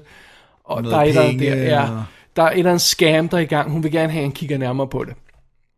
Og øh, han går så i gang med at kigge lidt på den der sag. Og så forsvinder hun samtidig med manden, som han burde kigge nærmere på. Ja. Det er sådan den lille, simple udgave af historien. Ja. Og øh, den scene, som vi møder der, den gentager sig resten af filmen. I det, at øh, filmen består af scener, hvor øh, der kommer en person til, til Joaquin Phoenix og siger, at han har en sag, og Joaquin Phoenix tager sagen og går i gang med at efterforske den. Og så kommer vi til næste scene, hvor der er en person, der siger, at han har en sag, som kommer til Joaquin Phoenix. Og øh, der er ikke så forfærdeligt mange af de her sager, der bliver afsluttet og lukket ned. Nej. Men det er lidt til sidst, ser Ja, fordi øh, så, selvfølgelig er der nogle af dem, der så har lidt med hinanden at gøre. Ja, så, så jeg har et problem med at beskrive det overordnede plot i filmen, andet end at det er sådan lidt en serie af efterforskninger i den her hippie-verden, tror jeg vi kan sige, ikke? Med stoffer og, øh, og øh, en lille... Fri kærlighed og sex og... Ja, sådan noget, ikke? Så det er det, Det er det. ja. Um, ja. um, det, det, det. Uh, um, altså, fidusen med den her film er jo, at jeg, jeg ved ikke rigtigt hvad den handler om, Dennis. Det tror jeg godt, jeg ved vil, vil lige, ja, altså, um, der, der er muligvis et eller andet øhm, overordnet budskab, hvis det var, så, så øh, undslap det min, min, min, øh, min opdagelse undervejs. Hvad, hvad siger du til overordnet budskab? Ja, nej, nej, det er der ikke. Altså for, for mig er det umiddelbart det der med på, på samme måde, som hvis vi satte os for... Hvis jeg for eksempel satte mig for at beskrive 80'erne, og ligesom det vigtigste for mig var på en eller anden måde at lave sådan en, hvad var 80'erne for mig? Og så laver jeg sådan et eller andet overkompliceret detektivplot, som i virkeligheden, når det kommer, når det bliver skåret helt ind til benet, er ekstremt simpelt, men jeg pakker det bare ind i lag på lag på lag, men det vigtigste for mig er måske at beskrive 80'erne. Jeg føler, det er det, han har gjort med 70'erne. Lad os prøve at tage karaktererne. Ja. Vi har øh, Josh Brolin som øh, Lieutenant Detective Christian F. Bigfoot Bjørnsen. Ja. Bigfoot kalder de ham bare. Ja. Så han er, øh, forbi din, øh, din, din øh, frame der, han er øh, den, den hårdkogte 70'er betjent, der, Ja. der skider på reglerne, ikke? Jo, og som, og som hader hippie-bevægelsen. Som hader hippiebevægelsen, Som ja. gerne vil have de der gode dyder. Altså, for, han er den, der elskede 50'erne. Som du ved, sådan dem, den gode, wholesome American family, og konen, der stod derhjemme og lavede apple pie og sådan noget. Ja. Det, det er han have tilbage. Så han er lidt, øh, han er lidt den del af det, ja. Ja. Så har vi sådan noget som for eksempel uh, Eric Roberts, der spiller ham der Wolfman, som er, er den, den gut, han skal lede efter i starten, der er så forsvundet. Ja. Så han repræsenterer det der, øh, øh, øh, øh, hvad hedder, stor, sådan leder af firma, der bare sådan sejler rundt i sine penge og, og nyder livet, og så øh, bliver snuppet op i et eller andet halløj. Ja, han bliver sådan fortabt i det her øh, stoffer, fri øh, af alt muligt, og øh, alt kan lade sig gøre, ikke? Ja. Så har vi kombinationen af Jenna Malone og Owen Wilson, som øh, Jenna Malone er også en af dem, der hyrer, øh, hvad hedder det, øh, vores ven Doc her til, til at tage en sag, fordi hans, hendes mand er forsvundet, er det vist nok, ikke? Jo. Og det er så Owen Wilsons karakter. Vi finder ud af, at han simpelthen har søgt, er blevet suget ind i sådan nærmest kultagtig hippie-miljø og gået undercover, og hun er blevet clean nu, hun tager ikke stoffer længere, men han ved godt, at han måske ikke er god for hende, og, der, og derfor har han, er han blevet væk med vilje. Ja. Men Doc bliver så bedt om at finde ham, og, og skal han så sige noget til nogen om, at han har fundet hende, og sådan noget, eller ham og sådan noget. Det er, jo, det er, sådan lidt, det er også en del af sådan problematikken i 70'erne, kunne man forestille sig, ikke? Jo. Øh, og så har vi øh, sådan en, øh, som Reese Witherspoon, der spiller hans kæreste, som er deputy DA, så hun er sådan en penny. Hun er sådan en fin dame, der, der absolut ikke vil se i nærheden af en hippie.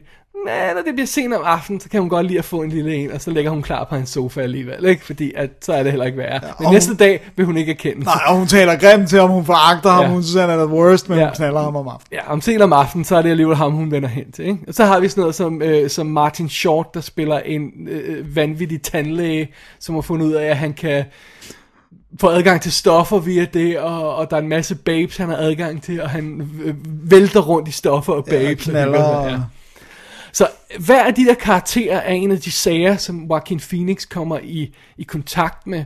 Og så fidusen er jo, at han leder efter sin ekskæreste, så det, hvis der er nogen rød tråd, så er det det. Ja, fordi hun forsvinder ja. efter at have sagt, jeg tror, der er noget galt med Wolfman her. Og det er meget lidt sådan efterforskning, der egentlig foregår ellers i historien, at jeg sådan kunne detekte det. Jeg føler mig lidt sådan lidt Blade Runner-agtig. Jeg skulle lige til at sige, det er endnu mindre detecting, end der er i Blade Runner. Ja, altså. Blade Runner, der finder han trods alt et spor og får tjekket sådan et, et, et, et thing, og Præcis. går, og går hen og tjekker noget andet. Ikke? Ja. det, det er mere end hvad, hvad, hvad Doc her nogensinde gør. Han Ikke? gør ingenting, og det er jo også det der med, så driver han også sådan noget, sådan nærmest sådan en, øh, er det en psykologi eller psykiaterpraksis også? Og, Jeg kunne ikke finde ud af det, men jeg havde sådan lidt fornemmelsen af, at det var hans cover. ja, men det virker stadigvæk som om, der kommer, re- altså, nogle gange kommer reelle patienter, der sådan, I don't know. Men du ved, han har hele den her snak med, en- med en, en sort gut, der er irriteret over Ku Klux Klan og sådan noget. Ja, og igen, det fører aldrig, der, er ikke, der er ikke noget, der fører til noget. Nej, Nu vil jeg chokere dig, Dennis. Er du klar? ja, du kan godt lide. Nej, jeg vil sige på en anden måde. Okay. Jeg, jeg tror faktisk, at jeg lidt ligesom Joaquin Phoenix, der ligesom floater igennem historien på en eller anden øh, udefinerbar stemning, så tror jeg, jeg gjorde lidt det samme. At Ja, den er for lang, den er to og en halv time lang, øh, lang, og der sker intet i den. Nej. Eller, det passer ikke helt, der sker noget hele tiden, men, Men det er sådan... det, det, det er ikke, det er sådan Ja. brudstykker af handling. ikke? Men jeg, jeg, jeg, jeg havde den ikke så meget, som jeg ville tro egentlig. Det er altså ikke en glowing recommendation. Jeg havde den ikke helt så meget, som jeg ville tro. Well, den, den er sådan, jeg synes, den er lidt fascinerende. Det synes jeg også. Fordi den har det her sådan... Der er sådan noget, der er nogle stemninger nu. For eksempel meget sjovt fortællerstemme i filmen er jo uh, en af hans venner, uh, Docs venner, som taler sådan om ham i tredje person. Sådan, Doc didn't know why she came Præcis, to his ja. office, but... Så man har fornemmelsen af, det, jeg ved ikke, om det er noget, der står i romanen, eller det er manuskriptforfatterens forsøg på at oversætte roman, romanens fortællerstemme til noget, vi kan forstå. Sådan en alvidende fortæller, ikke? Ja. Men som har en stemme. Og, og det giver sådan en vid, meget fed stemning undervejs i filmen. Og så det, kan, jeg kan faktisk meget godt lide Joaquin Phoenix, den måde han spiller i, den der måde han sådan... Han virker som om, der foregår noget ind i hovedet på ham, som om han ikke bare er stoner, og han, han skriver sådan, og nogle, samtidig nogle ret sjove ting ned i sin lille notebook. men, men han, han, jeg har fornemmelsen af, at han hele tiden tager mere væk fra de der møder, end, end, end måske øh, umiddelbart skulle tro. Ja. Men blev du ikke træt af close-up af hans ansigt, der var sådan stoned? Eller sådan, du ved, ham, der sådan skulle stå og spille, jeg er lige røget en joint. Nej, det synes jeg, altså, det, men det er rigtigt nok, det er han sådan i hele filmen. Men det er meget sjovt, fordi filmen er sådan underligt skudt. Den er, der er mange scener, som udspiller sig i en kameravinkel, hvor der er sådan en lille zoom ind. Jeg Over fik, fem minutter ja. har vi sådan en samtale, hvor der er sådan en lille zoom ind. Og der er kun den ene vinkel, ja. og samtidig er jeg sidder Doc med ryggen til os og sådan noget, og det er det. ja. Jeg fik lidt klaustrofobi af de, især på på et biflæret fik jeg faktisk lidt klaustrofobi af, at alt var close-ups.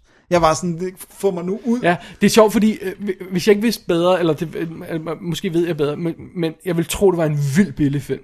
Ja. Det, det, det, det er nærmest også, er det ikke period-aspektet nærmest, der kan gøre den dyreste? Jo, fordi, øh, men det er måske også derfor, det gør, at den har du har den er simpel måde at skyde tingene på, så der er næsten ikke, at der er mange scener, der bare foregår i et rum, med, hvor, hvor, hvor to folk er op mod hver deres væg, og der, that's it. Ja. Og så skal de bare have en stol, der er 70'er design sådan Ja. hjemme, ikke? Jeg vil sige, den, den, den her, nu vi snakkede også om, om, om uh, Sofia Coppolas tidligere stemninger, en Heron Weiss er jo også nærmest kun stemninger. Ja. Og, og det, der gør for mig, at jeg gerne vil se den igen, Men- fordi det vil jeg gerne, det er det 70'erne. Ja, men det der er så spøjs ved den er, at alle scenerne er ekstremt heavy plot baseret, uden ja. at handle om noget. Ja. Det er en paradoks, der er, der er ikke sådan umiddelbart at det er, jeg ved ikke rigtig, hvad jeg skal gøre med det. Fordi alt handler jo om, han får en sag, han skal efterforske noget, han skal interviewe en person, han skal finde nogle spor, men der sker ikke noget, altså der, der, han, der kommer ikke noget ud af det, sådan som sådan. Men det er jo også fordi, at når det så til sidst bliver afsløret, hvad plottet er, så er det jo ingenting. I'm så not er entirely ikke- sure, hvad plottet var, hvis okay. jeg skal være helt øh, ærlig. Ja, vi kan ikke afsløre det her, men, men, men det er i hvert fald, sagerne er jo ikke så store, som de bliver i Docs hoved, og måske er det i sagens natur også det der med, hvis du er stoned hele tiden, så er du måske heller ikke så klar på, hvad en sag handler ja. om, og hvor stor den har været, og sådan noget. Øh, men, men, øh, men jeg tror også, jeg synes lidt, det, jeg synes også lidt, det er et problem, hvor neat det hele er, at, alle sagerne viser sig at være connected på en eller anden mindre eller større Jamen, det er plan. ikke engang sådan så, at det er alt connected. Det er bare sådan så, at de, eller det vil sige på en anden måde, det virker sådan lidt som om, at en efter en, så bliver sagerne sat op, og så sådan, når vi når lidt over midten, så begynder de sådan at, at, at, at forsvinde en af en. Nå, der, der, der var ikke noget. Den der person dukker op alligevel. Øh, Personen var ikke væk alligevel. Nå, det der, nå, der var ikke noget der alligevel. Og så Ja. begynder det sådan... Han var bare gå en tur, Ja, ja. Det var sådan, what? og det er kæmpe conspiracy. Nå, det, det var ikke noget alligevel. Ja. Never mind that. Ja, det, det var heller ikke en ja. Men det er også lidt, for mig er det også lidt ligesom om, at der er en person, som i virkeligheden ikke kan lide krimigenren, som besluttede sig for at skrive noget inden for den genre alligevel, men som så gør det på en måde, der, der, der pisser på alle konventionerne inden for den genre. Ja, det skal jeg ikke... Fordi hvor tit vil du sige, om det er en god krimi, hvis det er sådan, lad os sige, der kommer en og siger, altså hvis Chinatown var, at øh, hun kommer og siger, find den her person, og så øh, en halv time senere, så kommer personen ind ad døren, så er jeg var bare lige på ferie. Ja. Altså, det er jo ikke en god krimi. det, det vil de færreste vel påstå. Nej, der, er jo- og igen, der er jo ikke noget detektivarbejde, som sådan der foregår undervejs, ikke? Altså, det, det er sådan... Ja. Men Inherent Vice, den har et eller andet over sig, og jeg tror, det er det der med, det er 70'er-looket, det er de her stemninger, det er soundtracket, og det er alle de her folk, der dukker op, man siger, hey, hey, wait a second, hvad det? Ja, og det er bare, nogle gange er det den anden sekund, ja, en anden kendt. og, og, øh, og, og, og det er så, hvad det er. Og så, ja. så kan man så sidde og kigge på i to og en halv time, og så får man ikke andet ud af det, end de stemninger, man fik suget undervejs. Ja. Jeg tror, jeg tror måske også, da jeg så den i biffen i hvert fald, det der var mit problem, det var, at jeg synes, den var hysterisk morsom indtil midten. Og så ligesom der, i takt med, at de begynder at skulle gøre et eller andet ved de her sager, så holder den op med at være sjov. Der var nogle sjove sl- slapstick-ting undervejs, det var der, ikke? Jo, øh, men, men det er også det der med, i takt med, at humoraspektet forsvinder ud, og det bare er, sagerne falder fra hinanden, i stedet for, så tror jeg, jeg begyndte at kede mig lidt. Ja. Men jeg synes, det er hysterisk morsomt, det var, han går helt sådan i klipklapper, og du ved, og har trompetbukser og store sideburns, hvor han kommer til den der politistation, hvor han er så skæv, så de får bare skubbet en lille smule til ham, som bare fører til, at han vælter rundt og ligger og roder rundt, og det er Joaquin Phoenix og sådan noget, eller der, hvor han hopper op på en politibil, bare sådan, for no apparent reason, og må tæves af Bigfoot og sådan noget. Ja, det, det er sjovt. Der er nogle sjove aspekter i hvert fald, men så lige pludselig, så er det bare, Nå, nu kom den person ind, der var væk, Der- og nu kom den person ind. Det er rigtigt, men der, der er så meget, der bliver ved, også i slutningen af den, der er stadig de her momenter, hvor jeg bare sidder og kan ikke lade være med at grine. Så for eksempel det der pancake bar der, hvor, hvor, hvor Bigfoot og, og, og, og Doc sidder. Og så sidder Bigfoot der og roer øh, mod, mod køkkenet sådan, øh, øh, på, på øh, broken Japanese der. More pancakes! Eller sådan noget. Ja, det var- siger- han skal bare Og så stopper han sådan, og så kigger han på Doc og siger, That's why I come here, for the respect. der, der, der, er der er ikke... Jeg synes, deres scener sammen er helt vildt sjove. Altså Josh Brolin og Joaquin Phoenix, de er gode jeg er ikke sammen. helt sikker på, hvad det alt sammen ender med, med og bliver til, og hvad det alt sammen skal sådan, du ved, øh, men it's What there. does it all mean? Ja, what does it all mean? men, ikke, ja, I, I don't know. Ja. Ja. Der er en charme over den alligevel, jeg ikke kan sætte fingrene på. Jeg tror, jeg ville elske lidt mere, hvis den var to timer lang. Ja, jamen det er helt klart. Den, den kunne godt sagtens være shavet ned, ikke? Og scenerne med Martin Short, der, synes man, der sidder man også bare sådan lidt, okay, det, det Der er også, tænker jeg sådan inner space. Ja, men det er mindblowing, at det er Martin Short, og han bare spiller ham der, der bare knaller damer og tager Ja. stoffer og får blowjobs med coke på dillerne, og hvad fanden det er. Det, Ja. det, er, en, det er en lang fest hos, øh, hos Martin Short. Så øh, ja, så det er... Ej, jeg synes, det er svært at anbefale den. Straight up season. Jeg kan Se den. overhovedet ikke anbefale Nej. den på noget plan. okay, fair nok. Andet end hvis man har sådan den her... Øhm, og jeg tror, jeg tror i virkeligheden, at hvis man sætter sig ned og ser den første scene, altså der, der er sådan en scene, hvor øhm, øh, hun, hende, øh, Catherine Waterson, hun kommer til ham, og, og han får sagen, og så går de ud til hans bil, og så kører hun væk, og så går han ned til sådan en bar. Den lille sekvens ja. beskriver meget godt hele filmen, for der sker ingenting i den, mm. og der er bare sådan stemninger, og musikken begynder, der kører sådan en rytme. Musikken er rytme ned, og sådan, duk, duk, duk, ikke? og, og, og, og, så går de sådan slow motion, og som om de er sådan halvstoned hele tiden, og, og der er den her, den her samtale mellem dem i starten der, når han får sagen, hvor der er sådan en sørmodighed i hendes karakter, og der er sådan en indforstået forståelse mellem, fordi de har været ekskærester og sådan noget, ikke? Og hvis man kan se den scene og siger, wow, jeg vil gerne have mere end det, well, there you go, så er der to og en halv time mere af det. Hvis man tuner ud der, så Ja. skal man nok... Jeg tror altså, jeg har et bud på den bedste måde at nyde en Heron Vice, og det, det er den åbenlyse. Jeg tror, man skal toge sig en ordentlig en lille J, spliff. inden, så tror jeg, altså, så tror jeg, man får en fest, ikke? Ja. Man kan eventuelt, hvis man ikke ryger, så kan man jo lave noget guldkakao, og så øh, give den gas. Øh, en eller anden form for påvirkning. Om, om det så er... Men jeg tror ikke, alkohol vil have den samme. Det skal være, det skal være I'm sure it would. Hvis du, får, hvis du får sådan en hyggelig buzz af det. gå på Mexibar og drikke nogle slutjunks cocktails. altså, whatever works, ikke? Så, så, så, tror jeg... Men, men, men et eller andet sted kunne jeg øh, også... Var det også meget fedt at sidde, sidde og se den Stone Cold Sober, ikke? Altså, at man bare sidder og så, prøver, og så floater væk på den der stemning, som han laver. Ja. Så I don't know. ja, den er der. Ja. To og en halv Ja. time af den. Under andre omstændigheder, øh, der, der er et par ting, jeg gerne vil tage med fra den. Prøv at høre, Catherine uh, Waterston, hun er super cool. Ja. Jeg kan virkelig godt lide. Hun har ikke så meget at lave her i den her film. Det vil jeg godt indrømme. I det, at hun forsvinder relativt hurtigt fra historien. Ja. Ja. Men det var hende, der var, der var lead i The Babysitters. Kan du huske det? Som Ja, den der med de der, ja. ja. Som den der lyd af babysitter ring der, ikke? Jo. Og så er det jo, Dem hun, er, savner vi jo nogle af i Danmark. ja. Og hun, og hun er med i den kommende Steve Jobs film. Og så er hun blevet hyret, lige hyret til uh, Fantastic Beasts and Where to Find Them, Harry Potter spin-off. Uh, Hun skal, jeg tror, hun kommer... hun kommer langt. Og, og det er Sam Waterstons datter jo. Så, Ja, det er meget cool. Og- hvad, Steve Jobs, altså det vil sige, det, det, den der, jeg troede, de droppede den der, da Ashton Kutcher-tingen kom så hurtigt. Men Nej, de det er holder- Sorkin-tingen. Åh, oh, okay. Ja, den som, er det Danny, er det Danny Boy, der laver den? Nej, det kan jeg ikke huske. Oh, det må da ikke hænge Nej, op. nej, Der var jeg, jeg hænger der ikke op på noget. Gift i instruktørstolen, nu kan jeg ikke huske, hvad status er, men ja. Så det, det er også meget fedt at se Reese Witherspoon i noget andet, ikke? Altså, det er meget fedt at se, øh, altså, hvad hedder det, Josh Brolin i sådan en type, altså, jeg, jeg, synes, jeg synes, der var så mange, ja, Der var, nogle, der var nogle masser af I interessante know, ting i den. I don't know, what the hell. What the hell?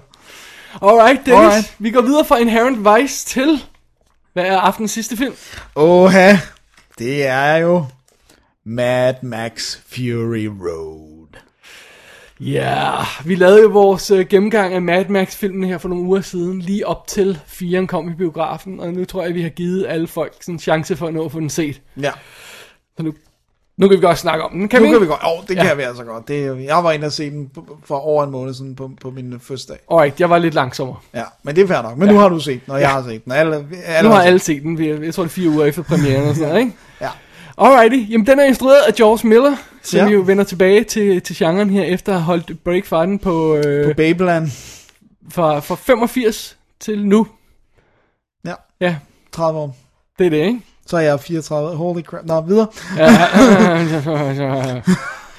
Og øh, ja, det er jo det, det er jo det. Det er det. Vil du tage historien? Det vil jeg meget gerne.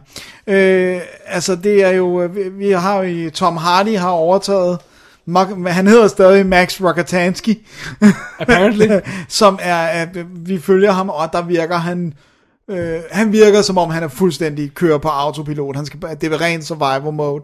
Og han bliver taget til fange helt i starten af filmen, og taget til den her by, øh, Citadel, som bliver styret af Morton Joe, øh, som bliver spillet af, øh, hvad er det nu, han hedder? Hughes Case Burn. Ja, Hugh som- Case Burn. Som også Keys Burn. Keys, Sorry, sorry. som også spillede øh, Toe Cutter i den oprindelige, men her er han nærmest uigenkendelig på grund af sådan noget... Og i Salute of the Jogger, skal vi også lige have med. Uh, det vi er også, godt. ja. ja. Og øh, de, øh, det, det første, de gør, er at teste hans blod, og ligesom finde ud af, okay, han har en speciel blodtype, og så bliver han en blood bag, altså hvor de sådan, simpelthen kan tappe hans blod, fordi de her drenge, de er syge, øh, de her warboys, som alle sammen tjener ham her, Immortan Joe. Ja. Og så ganske kort efter det her er sket, så er der en kvinde, Furiosa, som skal køre sådan en, øh, en konvoj for at hente våben, og hun bliver spillet af Charlize Theron, da hun lige pludselig bryder af, fordi at hun har et eller andet, som hun vil gøre, så hun drejer af ruten, og i, i lang tid, der er folk bare sådan, Nå, vi har, vi har en ny plan, fordi alle stoler på Furiosa, hun følger Immortan Joe, men det gør hun jo ikke, og derfor må Immortan Joe og hans Warboys ud og fange hende, og de tager Max med som bloodbag, fordi ham der, han er stadig ved at få en transfusion, så nu skal de afsted over stepperne, og så er det ud og køre i ørkenen. That's it. That's it. Alright, jamen øh, hvad gør man med sådan en historie her, Dennis, når man, øh, når man skal følge op på den oprindelige trilogi, der er 30 år gammel, og, øh, og, og som vi kunne konstatere, da vi anmeldte den igen, folk ikke kan huske, hvor god er, øh, og som ingen har set formodentlig for nylig og sådan noget. Hvad gør man så? Jamen, øh, man starter jo bare, øh, man starter jo bare forfra. Ja, og det er det, de har gjort, ikke? Ja, man har en lydmontage med nogle stemmer og noget hints til verden, der er brudt sammen, og så står Mad Max og kigger ud over en ørken og siger, når der kommer de igen, jeg må hellere stikke af, og så æder han en øjle og tonser afsted. That's it. Ja. There you go. There Tag, you go. tag, tag, tag og følg på karakteren, det er det. Ja. Det, det, det er den introduktion, du får. Og alt det der, du sagde der med, når han bliver, når så bliver han fanget, og han bliver lavet, de tester hans blod, og han bliver lavet til bloodbag, og der er de her drenge og sådan noget. Prøv at høre, det er noget, du skal fange ud af et hjørne i dit øje, mens der sker alt muligt andet. For det er ikke sådan noget, der bliver omhyggeligt sat op og forklaret. Tonser der ud af. Ja. That's it. That's it. Og Ja. så, ja, og så, og vi får den der, vi får i hvert fald etableret, altså den, de, de, de har en meget hurtig måde til at etablere, han er broken, han har sådan noget posttraumatisk stressagtigt, men han ser visioner af mennesker, han har svigtet og sådan noget, og det er også bare sådan, du ved, lynhurtigt, man kan, man, man kan nærmest nå at tænke, er der spøgelser i den her film? Nå nej, det er bare visioner Ja. og sådan, det går så hurtigt, ikke? Alt går hurtigt i den. Og det, det er sjovt, fordi selv billedet går sådan, er, er sådan speedet op nærmest, og hakker, sådan Ja. som om, at, ja, at sådan, som om det sidder fast i projektoren. Ja, som om, eller som om de har pillet ved shutteren. Jeg, kan, jeg, jeg, jeg, har ikke lige læst helt præcis, hvordan de har gjort det i denne her, ikke? Men, men, men det er bare sådan, det er råt, og det er tonser ud af, og, og Max løber afsted og hopper over ting, og, og, og ja, og, og, så, og så er vi bare, og så, øh, der går ikke lang tid, før vi tonser igennem ørkenen. That's it. That, that is it. Og det fede ved det hele, det her univers, de får bygget op med, med for det første, alle har sjove navne. Det er det mest bizarre navne, de har her i filmen. Ja. Øh, Nox og, ja, og Toast the Knowing, og, og, og The Dag, og, og The People Eater, og sådan noget. Ja.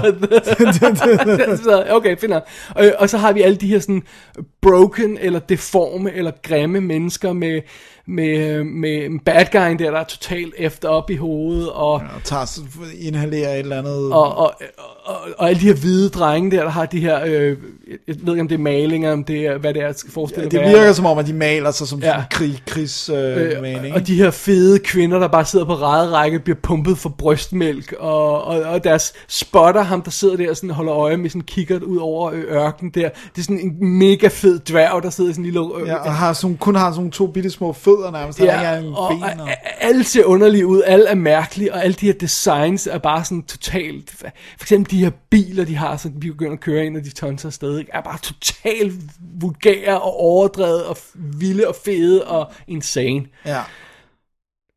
det her, det var jo det, som vi blev lovet, at de oprindelige Mad Max-film var, Dennis. ja. Og, Right? og, jo, og way beyond jo, hvad man kunne forestille sig, i hvert fald sådan det rent tekniske aspekt, ikke? Må, måske, men altså, det var det, jeg havde i hovedet, før jeg så Mad Max-filmen. Jeg tænkte, det her, det skulle Mad Max være. Det var det her. Det var den her vilde, overdrevet, super cool verden, hvor øh, det er rå og brutal og blodig, og der er fart og hastighed, og alt er vildt og hårdt og skarpt og brutalt. That's it. That is it. That's it. Det er det, den skulle være. Hvorfor skulle det tage dem 30 år for banket det sammen? I don't know. Og hvorfor skulle han være 70, før han kunne? I, I don't know. Jeg synes altså, jeg synes, der er flere detaljer, fordi jeg, for det første, al ære og magt til Mel Gibson, jeg synes faktisk, Tom Hardy er virkelig fed i den. Jeg synes, han har noget sådan, han er brooding på en fed måde, synes ja. Jeg, og jeg synes, hans stemme, han snakker fedt, og jeg sådan, det er sjovt, Tom Hardy altid skal snakke lidt underligt, men jeg synes, det fungerer godt. Jeg tror, han blev dobbet i starten. Ja, for han snakker sådan meget Ja. specielt, men jeg synes, det fungerer her. Og jeg synes, Charlize er cool med den der, hun har sådan, sådan en protesearm, og, og Ja, apropos alle er broken på en eller anden måde, så har hun en fake arm, ikke? Ja, og, og, og, og jeg synes, midt i alt det her action orke, så er der faktisk nogle få scener, som også rørte mig. Jamen, det, det, det, det, det er nemlig det, jeg synes er det vigtige. At det kan godt være, at det her, det er sådan en, en fuldstændig skingrende, sindssygt vanvittig chasefilm meget af tiden. Og det kan også godt være, at alt er på grænsen til, til, til kaos, og, og alle tonser ud af vejen, og alting eksploderer, og, og, og det hele og sådan noget. Men du kan jo ikke, du, altså, du kan jo ikke holde den stemning. Du kan jo ikke skrue op på, på, på fuld volumen, og så bare lade den være der. Og det er lige præcis det, filmen gør godt. Ja. Det er, at den tager de her ture, og så lader den det hele falde ned, ikke? Ja. Og så stille og roligt bliver historien bygget op. Vi forstår, hvad det er, for, for, for, hvad? Furiosa, Furiosa. vel, ikke? Øh, og, og det er ikke bare sådan en 120 minutters jagt, det er sådan en optur og nedtur, og der er, der er, øh, der er stemninger, der bliver bygget op undervejs, og der er de her stille øjeblikke, og der er sådan... Der, der, det føles som om, der er noget ægte på spil. Ja. Jamen, det Altså- gør det, og det er der jo også, og det bliver etableret. Det kan godt være, at det ikke får 100 minutter til, at nu skal vi få at vide, hvad det er, der er på behøver ikke 100 minutter, vel? men, men jeg synes, det bliver etableret, og vi forstår alle karakterers bevæggrund. Selv i Morten Joe har Ja, man en ja, eller anden ja, forståelse for, hvorfor han gør, som Det er han gør. simpelt, men it works. Ja. ja, ja. Og jeg synes, verden er bygget fuldstændig det- fabelagtigt op. Ja, men det er så... Det, er- det er bare så perfekt lavet i forhold til, hvordan det, det, hvor miserabelt det var i de andre film. Ja. Nu tager jeg dem lige sådan grov over en kamp, ikke? Ja. Men altså, hvor man bare sidder der frustreret og siger, hvorfor gør I det? Hvorfor? Øh, ja. Ikke? Og når man snakker om fede stunts i det gamle, ikke? What do you want, bitch? Det her er fede stunts. Det er insane. Det ja. er beyond, hvad jeg havde kunne håbe på, selv efter at have set traileren, hvor effing cool det hele var. Altså, ja. og hvor lækkert det er. Og det kan godt være, ja, ja, noget af det er hjulpet lidt af computer, men der har stadigvæk været folk, der er helt på Ej, stikker. ej, Dennis, det er hjulpet meget af computer. Mm. Det hele er hjulpet af computer. Jeg ved godt, den har fået sådan det her stempel med, at det er practical og sådan noget, og det er det også meget. Der er 1500 effektskud i den. Ja. Ja, men, 1500 effektskud i den. Det er sådan cirka 500 mindre end, øh, end øh, en af Phantom Menace-filmen, som er, er non-stop CGI. Så ja, alt har været igennem computeren. Alle baggrunde har været lavet om. Alt, alle mulige rigging er fjernet. Alt muligt sættet ind. Det siger jeg ikke for at kritisere. Jeg siger bare, at den er, altså, det er ikke det der... nej, nej, det er ikke det der ren Det er praktisk. ikke fanget i kameraet, vel? Det de har gjort, det er, at de har fokuseret på de rigtige ting. Sådan, så når der er to- f- f- 10 biler, der tonser ned ad ørkenen, og tre af dem springer i luften, så de har optaget de tre biler, der sprang i luften. For real. Og sprunget dem i luften, og så har de sat de andre ind bagefter. Sådan er den stil der. ikke? Ja, ja. Og det er det, der gør forskellen. Det er der med, at der er noget real. Kameraet har fanget noget rigtigt foran sig. Ja. Ikke? Og der har været stuntmænd op på sådan nogle poles, mens Ja. bilerne er kørt og sådan noget. Og det er jo også det der med, nogle gange så er de måske, så kører bilerne på en stor åben slette, fordi ellers er det for farligt, hvis Ja. de kører galt. Og så har de lagt sådan en kløft ind i siderne. præcis, ikke? så den er, ja. men, men du ved, bilerne har stadigvæk ja. kørt. Og det er også derfor, det ærger mig lidt. Det eneste, der ærger mig i den her film, det er den her tornado-sekvens, hvor Ja. det hele desværre ser lidt animeret ud. Det ikke? ser rimelig animeret ud, Fordi ja. den skal være så vild. Fordi det er jo ikke nok, at menneskerne er vilde, og bilerne er vilde, og ørkenen er vild. Nej, vejret er også vildt. Ja, ja, så der kommer en, naturen, så- en, en ildtornado-ting, ikke? Og, og, og, og tonser og suger det hele væk. Og, sådan noget. og den sekvens er desværre det eneste, der ser en lille smule fake ud. Ja. Det er lidt synd. Men, Men, men, og, øh, og som det, også er lidt unødvendigt, hvis Ja. ja. du spørger mig. Men ikke, det, det er ikke noget, der... Nej, nej. Det er en lille bitte, bitte rise. Men altså, resten af filmen, det der med, at man føler, man er der. Man føler, de der fartøjer kører. Det kan godt være, at de ikke kører 120 km i timen, som det skal se ud til, men de kører, og de er hurtige, og det ser rigtigt ud, og det føles rigtigt. Og, og, og der føles som om, der er noget på spil. Ja. Altså, det føles som om, de her folk, de, de, de, de, de de, de kan dø hvert øjeblik, det skal være. Ikke? Det ja. føles ikke bare fake, og, og vi bekymrer os om de folk, der dør undervejs. Ja, præcis. Og jeg, jeg synes bare, det hele... Altså for eksempel den der scene... Var det i toren? Hvor de tonser sted med benzinvognen, det er toren, ikke? jo, Hvor, øh, hvor der er de her folk, der, der skal beskytte den undervejs, som bliver skudt. Vi har lige mødt dem, vi aner ikke, hvem de er. Jeg har ikke noget forhold til, om de dør. Her, Der er det bare, hver gang der er en, der dør, så er det bare sådan, no. Ikke den person. Ja.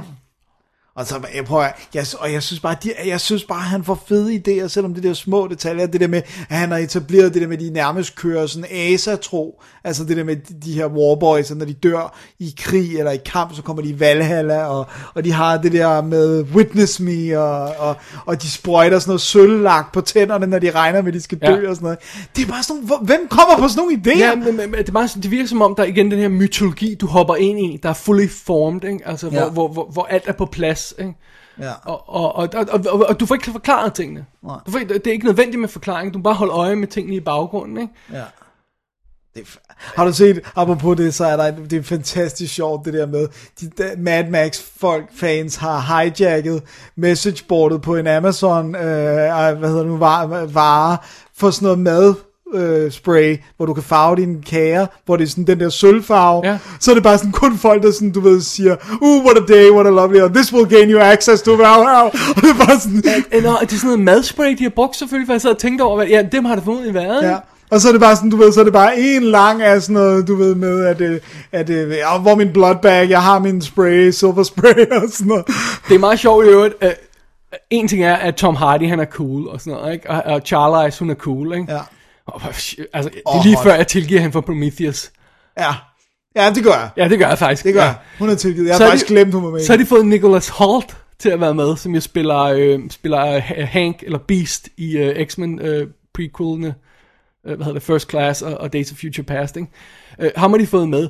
Talte du, hvor mange andre, øh, hvad hedder det, øh, øh, X-Men skuespillere der er? Nej, det gør jeg ikke. altså, hende, det er en af babesene, er jo, er jo hende, der spiller Angel. Nå, ja, det er rigtigt, der. Øh, og, og der, øh, ham, ham, ham, hans buddy, hvad hedder det, Nicholas Holt's buddy i filmen, er, er også en af dem fra X-Men. Det er sådan, at de har taget halvdelen af casten fra en af de der øh, X-Men øh, prequels Kæft, der. det er sjovt. Øh, men altså, Ja. Og, prøv høre, det virker bare 100%. ja. Og jeg vil altså også gerne have med, at jeg synes, musikken er mindblowingly awesome. Jeg har Fantastisk hørt musik. det musik, Fantastisk musik. så meget af Junkie XL, eller hvad det er, hedder, en eller anden... Øh, Nu har, nu har jeg ikke fået læst artiklen endnu, fordi at, at jeg øh, op igennem, indtil jeg fik set filmen, så, op, øh, så bookmarkede alle de her Mad Max artikler kom online, men der var en, der har skrevet en artikel om, hvorfor John Seal, han pludselig hoppet ud af retirement for at skyde den her film, ikke? Han havde også trukket sig tilbage, Ja. fotografen. har, har du noget at læse den så? Nej, nej, det har jeg ikke gjort efterfølgende, okay. desværre. Øh, vi skulle lige anmelde den først, så, så, så kunne jeg sådan kaste mig over den del her, ikke? Men altså, det er fantastisk. Må, må, må, må, må jeg gøre noget? Det må du. Må jeg lege Devil's Advocate i et øjeblik? Det må du meget gerne. Så kan du lige få, øh, få lov til at skyde, skyde det ned, ikke? Ja. Er den nærmest for flot? Er den for slick? At den kostede 150 millioner dollars, og du kan se, at den har været dyr. Er den for pæn? Nej. Det synes jeg faktisk ikke, den er. Det synes jeg... Savner vi det der low budget råhed, som den første havde, og noget den anden havde også? Nej. Og grund til, at jeg synes, vi ikke gør det, det er, at den råhed, den bliver formidlet på andre måder, end at filmen ligner lort, eller at de ikke har haft nogen penge. Det behøver ikke lige noget, det kan bare nej, være rå, okay, jo. Men jeg synes bare, det bliver formidlet i temaerne, og i, i naturen, og i ørkenen, og i, i, altså, og i karaktererne og sådan noget. Så jeg synes, råheden er nogle andre steder, og jeg synes, der er meget mere på spil, end jeg følte, der var. Altså, man føler man særlig meget, når der sker noget med hans familie, uden at sige hvad, i de gamle og sådan. Altså, Nej, men det er fordi den første er så åndssvag. så, Øh, så, men, jeg, men jeg synes ikke et øjeblik, den var for flot. Du føler ikke, at, at det er synd, at sådan en film som denne her skal lave sådan en 160 millioner dollar produktion, at du ikke kan lave den som en Salute of the Jogger for, for den her årti. Altså det der niveau som Salute of the Jogger, eller Blood of Heroes, som den også er kendt som. Øh, det niveau, den er på, hvor det er sådan dirty i ørken, altså, og hvor det ikke behøver at være kæmpe CGI-kulisser i baggrunden hele tiden, og kæmpe eksplosioner, og, og, og 20 fartøjer, måske bare tre, ikke? Altså, Men jeg- du, du jeg- føler ikke, det er synd, at, at, at man åbenbart ikke kan lave den på det der mellemniveau? Ikke lige med den her, for jeg, jeg, jeg synes, fra ende til anden, jeg sad og så den, synes jeg, det var så effing... Ej, det er irriterer mig, at jeg ikke kan bande lige med den her. Bare gør det, jeg tror, jeg kan bande. Bare sig, det, det var så fedt, fucking fedt, at actionsekvenserne var så store og episke, som de var. Ja. Og jeg sad og så den og følte, at jeg ikke havde set noget af det, i hvert fald i meget lang tid. Og det var Siden Terminator 2. siden Terminator 2. You know det, what I mean? Den, der, kombi af det den der- organiske ja, og, og den det, der rå øh, fornemmelse, man har i Terminator 2, som man mister, når alt bliver computergenereret, ikke? Ja, det er den der kombi, og jeg synes virkelig, jeg synes bare, det var sådan en fucking fed ride, og jeg forstår godt, hvorfor der er nogen, der sidder og siger, det, er, det, er det nærmest andet end ud og hjem igen, eller du ved, er, hvor, hvor meget mere er der i det ørkenen, og, altså, og hvis man ikke stiger på det, at det er folk, der kører igennem en ørken, det er jo Mad Max-konceptet, uanset hvordan du vender og drejer det, men goddammit, hvis man er med på bare se noget virkelig lækkert. Og det er derfor, det er okay, den er lækker, fordi den, det, det er bare lækkert at se den, altså.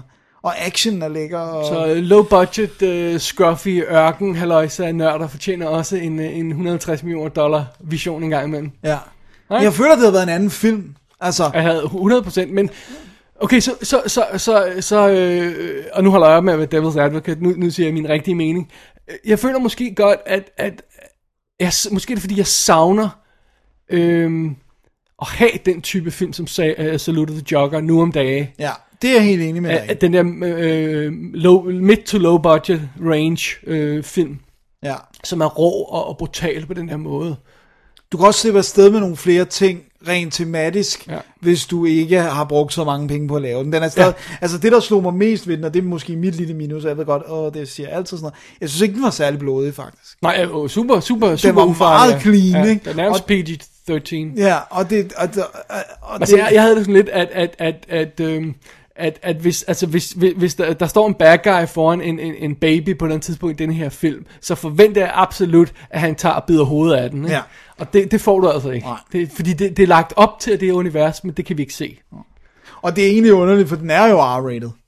Ja, det skal den jo være, fordi Ja. der er så meget øh, trods alt i den. Ikke? Ja, tematisk og sådan noget, ja. men, men jeg havde, jeg havde sgu undet den, at der var noget mere blod, ikke? Ja. Jeg, jeg, hvis der kommer en unrated udgave, hvor der lige er de der... Det er så også bliver det bare CGI-blod, ikke? Jo, men, jo, men mindre de har skudt noget af Ja, det. Men- okay. Men, men jeg tænker bare sådan en simpel ting, som når folk bliver skudt, der kommer der ikke engang den der klassiske 80'er sådan, Åh, oh, for helvede, jeg vil gerne have dem uh, riddled med bullets i de her præcis, bloodpacks, der, der er for præcis store, bare, ikke? Åh, det Ja, havde været det fedt. havde, det havde prikken over i det. Det havde det nemlig, Ja. ja. det, det, og det er faktisk for mig det eneste manglende lille prik over i det, det er, den, jeg synes, den er, den er, blodmængden er for lille, jeg ved godt, det lyder wacko at sige det sådan, men når man ser filmen, tror jeg, man vil bide mærke i fraværet af blod i forhold til, hvor voldsom den egentlig er, ikke? Okay, nu det rigtig store spørgsmål, Dennis. Ja, Vil du have en toer? ja. Det vil jeg meget gerne. Hvad skulle den handle om? Furiosa. Så du vil ikke have en Mad Max 5, du vil have en Furiosa 2. Ja. Jeg, jeg tænker, at det der... Det, hvis det, hvis Kunne det man, ikke være fedt, hvis den karakter, uden at kommentere, hvad der sker med ham, vi efterlader i slutningen af filmen her, øh, får lov til at, at, at gå videre og lave noget andet? Altså øh, Mad Max-karakteren. Men det der er mit problem... Hvis han overlever. Ja. Ej, det var en dårlig spoiler-dækning der, men det, det tror jeg godt, jeg, jeg kan regne ud af, at måske, ja. Ja, okay. Men det der, er problemet, det, der er problemet for mig, det er, eller det er ikke et problem, men det er, nu synes jeg faktisk, at den her film, uden at afsløre noget, får, Mad, får Max-karakteren hen et sted, hvor jeg bare føler, yes, der er ikke nogen fejl. Det, det er rigtigt, det er korrekt gjort, det her. For, fortsæt den her retning. Ja, og problemet er, hvis de så laver den næste og får gjort noget fucked up med karakteren, jamen så er det jo bare, at man så sidder og siger, åh, så ville vi ikke have haft toren. Furiosa har jeg kun set i den her film. Og der, der er alle muligheder åbne. Du ved, jeg tænker, hvis man laver noget med Max igen, så skæver man sikkert også lidt til de gamle. Ikke? Og hvad, hvad gjorde vi med ham der? Og sådan. Synes du, øh, kunne du godt lide de små hints, der var i øvrigt til de gamle film? Ja, ja. I, i filmen? Det var fedt. Sådan lige, øh, jeg ved ikke om, det skal man bare opdage. Det skal man bare ikke? opdage, men det var også sjovt, fordi vi bider jo klart mærke i dem, fordi vi lige har Ja, siddet det er og set set, et, den, to, altså det er meget frisk, ja. Øh, og det synes jeg er skide fedt. Jeg synes, det er sjovt, og jeg synes, det anerkender, at det her er en frisk start, men den står jo på skuldrene. Jeg tror ikke, hvis han ikke havde lavet de tre gamle Mad Max, det giver måske sig selv, men altså, så havde han måske ikke vidst, hvordan han skulle lave den her uden tvivl, som er den perfekte Mad Max film. Ikke? Og der, altså, vi er, vi er lidt over et halvt år ind i året. Jeg har svært ved at se den her ikke skulle havne på top 10. Men det, det er meget sjovt, fordi jeg kan ikke lade være at tænke på sådan noget som, som, som Evil Dead, hvor man har sådan lidt fornemmelsen af, at, at, at, at du kan, der er jo ingen af dem, du kunne lave 1'eren, 2'eren eller 3'eren, eller remake for den sags skyld, uden at stå på skulderen af de forrige. Så det, men 1'eren og 2'eren virker lidt som remake, ikke? Og så, altså, du bliver til at tage det sådan i hak, ja. For at komme til det fede. Du kan ikke bare starte med at lave en Army of Darkness, vel? Præcis. Øh, eller, eller et øh, øh, remake, Remake, det, ikke? Du bliver nødt til at stå på skuldrene af de andre, ikke? Så det er måske det der tilfælde. Hvorfor skulle det tage ham 30 år at gøre det, ikke? Men det er jo fordi, jeg tror, det virker som om, at, at den oplevelse, som træeren var med, at, at altså, hans producer døde, og han fik en anden til at instruere skuespillerne, og kun lavede action, og så, altså, så tror jeg bare, så virker det som om, han vender den genre ryggen, og siger, nu er det noget helt andet. Ikke? Altså, han laver fandme en Babe, og øh, Happy Feet 1 og 2. Og, altså, det er jo, han har jo valgt at lave noget helt andet. Ikke? må Men, men sige. det har været ventetiden værd. Synes du ikke, det var en fantastisk film? Nu, Fantastisk bare lige for at skære det ud i pap. Godt. Fantastisk film. Jo, jo, jo, jeg synes, jeg, jeg tror absolut fordi jeg har, jeg har det sådan lidt, at jeg vil ikke, jeg vil ikke begå samme fejl, som jeg gjorde med Dread, og, og en eller anden grund nedvurdere den, og, og så ikke sætte den på min top 20 liste, fordi jeg føler, at den ikke er værdig, og den ikke er god nok. Når jeg har set den fucking seks gange siden, okay, og smækket den på hver tænkelig lejlighed, og siger, det er den mest geniale film, det her. Hvorfor stjal Raid alle dens uh, Thunder, og hvorfor har de ikke lavet toer for længst? God damn it. Og hvorfor smed jeg den ikke på min liste? Exactly. det er den værste ting. og jeg vil ikke lave den fejl igen, så jeg, jeg, jeg, sætter, jeg sætter, okay, jeg sætter Mad Max ind på et, førstepladsen, og så, så må andre øh, ligesom øh, konkurrere om det spot, ikke? Ja. Kæft, det var en awesome film. Ja. Og det er også bare sådan en film, hvor jeg bare sidder og siger, kom nu bare med Blu-ray, Ja. for jeg skal se den 100 gange. Jeg, jeg kunne ikke lige, altså dato må være lige op over, altså ja. at blive offentliggjort, men jeg kunne ikke lige se noget nu, og jeg kunne heller ikke se, hvad der var sådan var at snakke om ekstra materiale og sådan noget. Jeg har læst mig til, synes jeg, at de ikke vil lave en extended cut. Nej. Men det betyder så eventuelt ikke det samme som, at de ikke vil lave en unrated, så, De kunne godt ja, have blod i, ikke? Men, øh, Det er svært at vurdere. men, øh, men der, der må være noget om, hvordan de har lavet den. Og, og ellers så ligger der masser af fede videoer på YouTube, der Amen. viser... Der er så mange fede links der. Jeg har igen bookmarket dem alle sammen, har ikke fået kigget på det nu. Og det, jeg har lige fået det nye uh, Cinefix, som også har uh, Mad Har Max. den? Åh, oh, så skal jeg også have det. Du Øh. får det på iPad'en nu, ikke? Eller får du det stadig? Begge? Okay. Øhm, hvad hedder det? Men jeg har, jeg, jeg, det kan være, jeg skal smide det også på vores, øh, på vores side. Jeg lavede sådan en, en, en, en, en hvad hedder, collage af før og efter CGI. Ja, På nogle af de her skud, så man kan se, hvor meget der egentlig er. Bare lige for at give credit where credit's due, ikke? Ja. Men jeg synes, det er den perfekte kombi Absolut. af, af Absolut. CGI og ægte. Ja. Når de ikke fungerer, så er det som regel rent CGI-skud. Ja. Åh, oh, man, George Miller. 70 år. Nu rocker han the fucking mic, som man Tror du, siger. tror han kan nå at lave en to Ja, ja, det kan han sagtens. Prøv at det er ikke en træt mand, der har lavet den her. Ja. Eller syg, sådan Nej, det kan det ikke Det er være. ikke en døende mand, Nej, det her. nej. Så ja, kom bare med det. Alright. Jamen, øh, det var Mad Max 4. Fury Road. Ja. Og jeg synes også, jeg synes også det er fair nok, at det er et reboot, fordi at, at han kalder den ikke Mad Max 4. Han Nej. kalder den Fury Road. Ja. Det, det synes jeg også er hans måde at sige på. Nu starter vi på en Hvad er det, de kalder Fury Road i filmen? Er det turen til? Ja. Er, er, er det... det er til den der bullet farm, hvor de Ja. skal hente og have patroner. Okay. Men øh, jeg synes, det er sjovt at læse en artikel, at øh, George Miller sad ved siden af øh, Mel Gibson og så Mad Ja. Max Fury Road, hvor han var meget nervøs for, hvordan Mel Gibson... Og han sagde bare sådan, han vidste, han var safe, da Mel Gibson, han begyndte at chuckle hele tiden, og give ham sådan en albuer i ribben og sådan noget. så var det okay, det er godt nok, han er glad. Ja. Og han er for gammel lige Ja. Mel Gibson kunne ikke lave det der film Nej, endnu, det ikke? kunne han jo ikke. Altså, Men, men det, det, jeg godt kunne tænkt mig måske, at man kunne, det, det, det, man kunne overveje at gøre, det var, at man, man kunne have lavet ham her til Mad Max's søn. ja, Altså, det kunne man godt have gjort. det kunne man sagtens, så, så kunne man have haft uh, Mel Gibson, der handler off the torch. Eller Ja, noget. altså sådan noget som... øh, Jeg er ikke sikker på, at jeg har brug for det, men, men, men it could be done. Ja. Det kunne også blive done i en, i en toer, ja. hvor det er sådan noget med, Absolut. at der er måske er, ja, eller en scene, hvor at, øh, at, at, at, at det er old, hvor Mel Gibson Hvad spiller nu? old. Prøv at høre. Okay, right. Hvad nu, hvis man laver toeren som et remake af treeren? Sådan så du tager ideen om Bartertown, du Ja. tager ideen om, han kommer til det her, men han kommer til byen for at befri sin søn, for det første. Uh. Sådan et eller andet den stil der. Sådan så du har Mel Gibson, der introducerer filmen igen. Oh. Og, så, og, så, og så i stedet for at have sådan nogle, øh, hvad hedder det, åndssvage, hvad hedder det, Never Neverland sekvenser der med, med hookbørn der, så gør du noget cool ud af det i stedet for. Hvad hvis de alle sammen er feral? Ja. Like, really? Oh. Ah, something interesting. ja, det kunne være, men det, altså, vi vil gerne tilbage til Barlow. Og hvem er Tina Turner nu om dagen? Jeg har, jeg har bud. Beyoncé. Nej, nej, nej, nej. Vi skal ikke fokusere på hudfarve. Nej, okay. også. Katy Perry. Ordentlig giant tits Ja. og, og pakket ind i et andet haløjse. Men det er fordi, men grund til det, men hun er jo for fluffy. Jamen hun blev lige så dårlig som, kan- som Tina Turner. Ja, ja, men hun kan ikke, men hun kan ikke være butch. Hun, man skal også være sådan lidt farlig. Jeg ved godt, Tina Turner ikke var farlig, men hun havde i hvert fald sådan, Jeg tror, hun har skal- muskler og sådan noget. Ja, ja, ej, jeg, jeg tror på det. Jeg sidder jeg må lige sidde og tænke. Katy Perry, Mel Gibson, Tom Hardy Oh, this is going i insane. Mad Max Fury Road 2 Beyond Thunderdome. Oh man, men hvad så med Furiosa? Og ja, hun må få et spin-off. Nej, nej, nej, nej, Furiosa er blevet mayor of Bartertown. Oh, okay. Så, men hvad så med Katy Perry?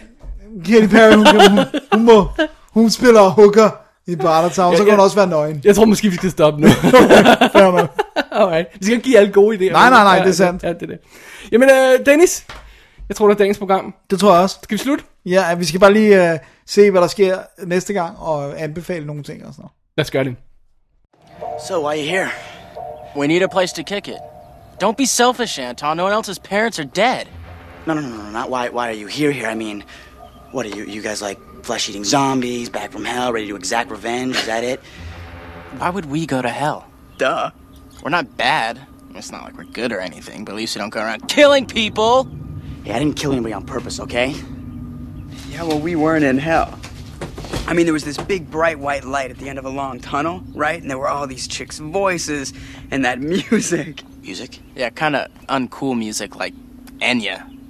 Jamen, så nåede vi afslutningen af Double D's Definitive DVD podcast nummer 172. Det er sandt. Øhm, ja. Mm-hmm. Fidusen er jo, Dennis. Ja. Vi plejer at slutte hver show med en ugens anbefaling. Eller det vil sige, det var ideen.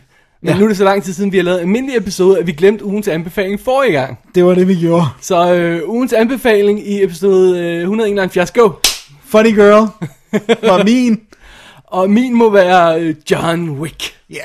Som jeg har anmeldt, Ja. men du har også set. Og Ja. jeg vidste, du ville tage den, så derfor tog jeg Funny Girl. Funny Okay. Girl. Det var, det var sidste uges øh, Ja. anbefaling. Hvad er din uges anbefaling på den her? Og du må ikke vælge Mad Max Fury Road, fordi den der er selvskrevet Den er som, så som åbenlys. anbefaling. Ja. Ja, så må det blive What If. Okay. Se noget god, altså for en gang skyld noget virkelig god romantisk komedie, som er sjovt og romantisk. Perfekt. Så vil jeg sige uh, Lost Soul, The Doomed Journey of Richard Stanley's uh, Island of Dr. Moreau. Du ville bare sige den længste titel. Ja. Bare indrømme. Prøv høre, læg de der, hvad der er, fem eller seks box, eller hvor meget det var, ind på iTunes og lege den, og så se den. Jeg tror, jeg går efter den der Blu-ray med, Ja. med 3-disk sæt der. Det lød virkelig godt. Det er det. Så, Alright. den, den fik du solgt godt, det må jeg sige. Super.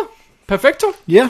Dennis, øh, oh, vi skal, inden, vi, inden vi kommer til næste uges program, så skal vi også lige huske at give mega props til Allan Loftager. Oh yeah. Det er ham, der har udvalgt dagens lydklip, for jeg har ikke engang set filmen. Sådan. Så vi regner med, de er repræsentative. Det håber jeg. Jeg, jeg, jeg, valgte, jeg, jeg, jeg, jeg valgte nogen, jeg synes lød gode. Ja. så uh, tusind tak til Allan Loftager. Han har simpelthen siddet og set en film derhjemme, og så har han taget, jeg tror han sendte mig ni lydklip, Sådan. og, og så har jeg udvalgt dem, vi bruger her, ikke? Og, og, og, så, og så gjorde han det. Og så det, det kan man jo gøre, hvis man har udstyret til det hjemme, eller hvis man finder en eller anden film, man synes er vildt sjov. Man kan gå ind på www.dk, klikke på citater, og så kan man se, hvilke film vi har haft lydklip fra før. Og det er en del efterhånden. Ja. I hvert fald 172. Ja, så øh, det tager mig sådan cirka, øh, øh, hvis det er en hurtig film, så tager det mig en halv time. Hvis det ikke er en hurtig film, så tager det mig en time at finde lydklip til en film. Øh, Et, et afsnit. Så og få sparet den time. Jeg burde snart komme ind i det der game der. Well. Jeg har ikke udstyret til at gøre det, vil jeg så sige. Men, men øh, jeg burde om ikke andet kunne komme med nogle tidskoder. Ja. Jeg har kommet, hvor mange har jeg kommet med? Fem i alt eller sådan noget? Ej, nej, jeg har haft... Har, nej, okay, det har været, når vi har været surprised, der er jeg kommet med mit bud på, hvad det skulle være. Ja, det tæller ikke det. Nej, okay. men, what a, men det var en god en, jeg havde fra. Sure. Them are fight on the North Pole, them are fighting words. Ja. Uh, anyway, hvis man ikke ved, hvad vi snakker om, så gå tilbage til det forrige afsnit og hør, hvad, hvad det er for noget æv- ævl, vi, vi snakker om med de her lydklip. Under alle omstændigheder, Dennis, Ja, jeg er her. Man skal gå ind på www.dk og klikke på arkiv og klikke på episode 272, øh, 172, hvis man snart har set links til de ting, vi har snakket om i dag. Og øh, der, der kan man også sende en besked til os. Ja, det kan man Ja. også være David og Dennis at gmail.com. Men næste gang, Ja. hvad skal vi snakke om der? Nu skal vi, snakke. vi skal snakke om uh, The Matrix, og Matrix-universet, så vi ser de tre uh, film selvfølgelig, og så ser vi også Animatrix, den her samling af korte animerede film, der foregår i universet, og så tager vi... Hvis vi gider. Ja. Vi, vi vil ikke love for meget. Og så tager Det kan vi... jeg kun gentager de gode. Ja, og så tager vi noget af ekstra materiale, det vi orker. Ja. Fordi vi har jo selvfølgelig begge to de her 10 disks af ekstra materiale. Og vi har set det før, ja. Ja, Så det, det, og det er sådan, og det, øh, det er et stort problem for mig i hvert fald, er, hvor Wachowski-brødrene er så, øh, de var brødre på det her tidspunkt, at de er så non-præsente i ekstra materialet. Det er trods alt dem, der er ophavsmænd på, på idéerne og sådan noget. Ja, og de ser så ugidelige ud, når de er interviewet. Men det er sådan en helt anden ting. Nu skal vi, vi skal i hvert fald gense det. Øh, Dennis, du fik pludselig lyst til at se de tre Matrix-film igen, og så tænkte jeg, what the hell, lad os gøre det. Det, det, bliver en god, øh, Ja. det bliver en god sommer ting. Ja. Det, selvom det ikke er blevet sommer i Danmark endnu. Noget ikke. så det er altså om to uger. Ja, Så er vi back med noget Matrix. så er vi back. Ja, så kan vi også nå at samle lidt øh, almindelige øh, film op til næste, næste episode, hvis du vil have almindelige anmeldelser. Det vil jeg gerne. Jeg synes, det er hyggeligt. Oh well. well, there you go. There you go. Alrighty, jamen øh, det, er jo så, det er jo så the ting, som Ja. vi har anmeldt i dag. Det er sandt. Det blev langt show. Det tror jeg også. Oh well. Det, sådan er det. Ja, men mit navn er David Bjerre. Og jeg hedder Dennis Rosenfeldt, Vi er dobbelt det, vi siger ting om film. og det gør vi også om 14 dage. Oh yeah. Double D's Definitive DVD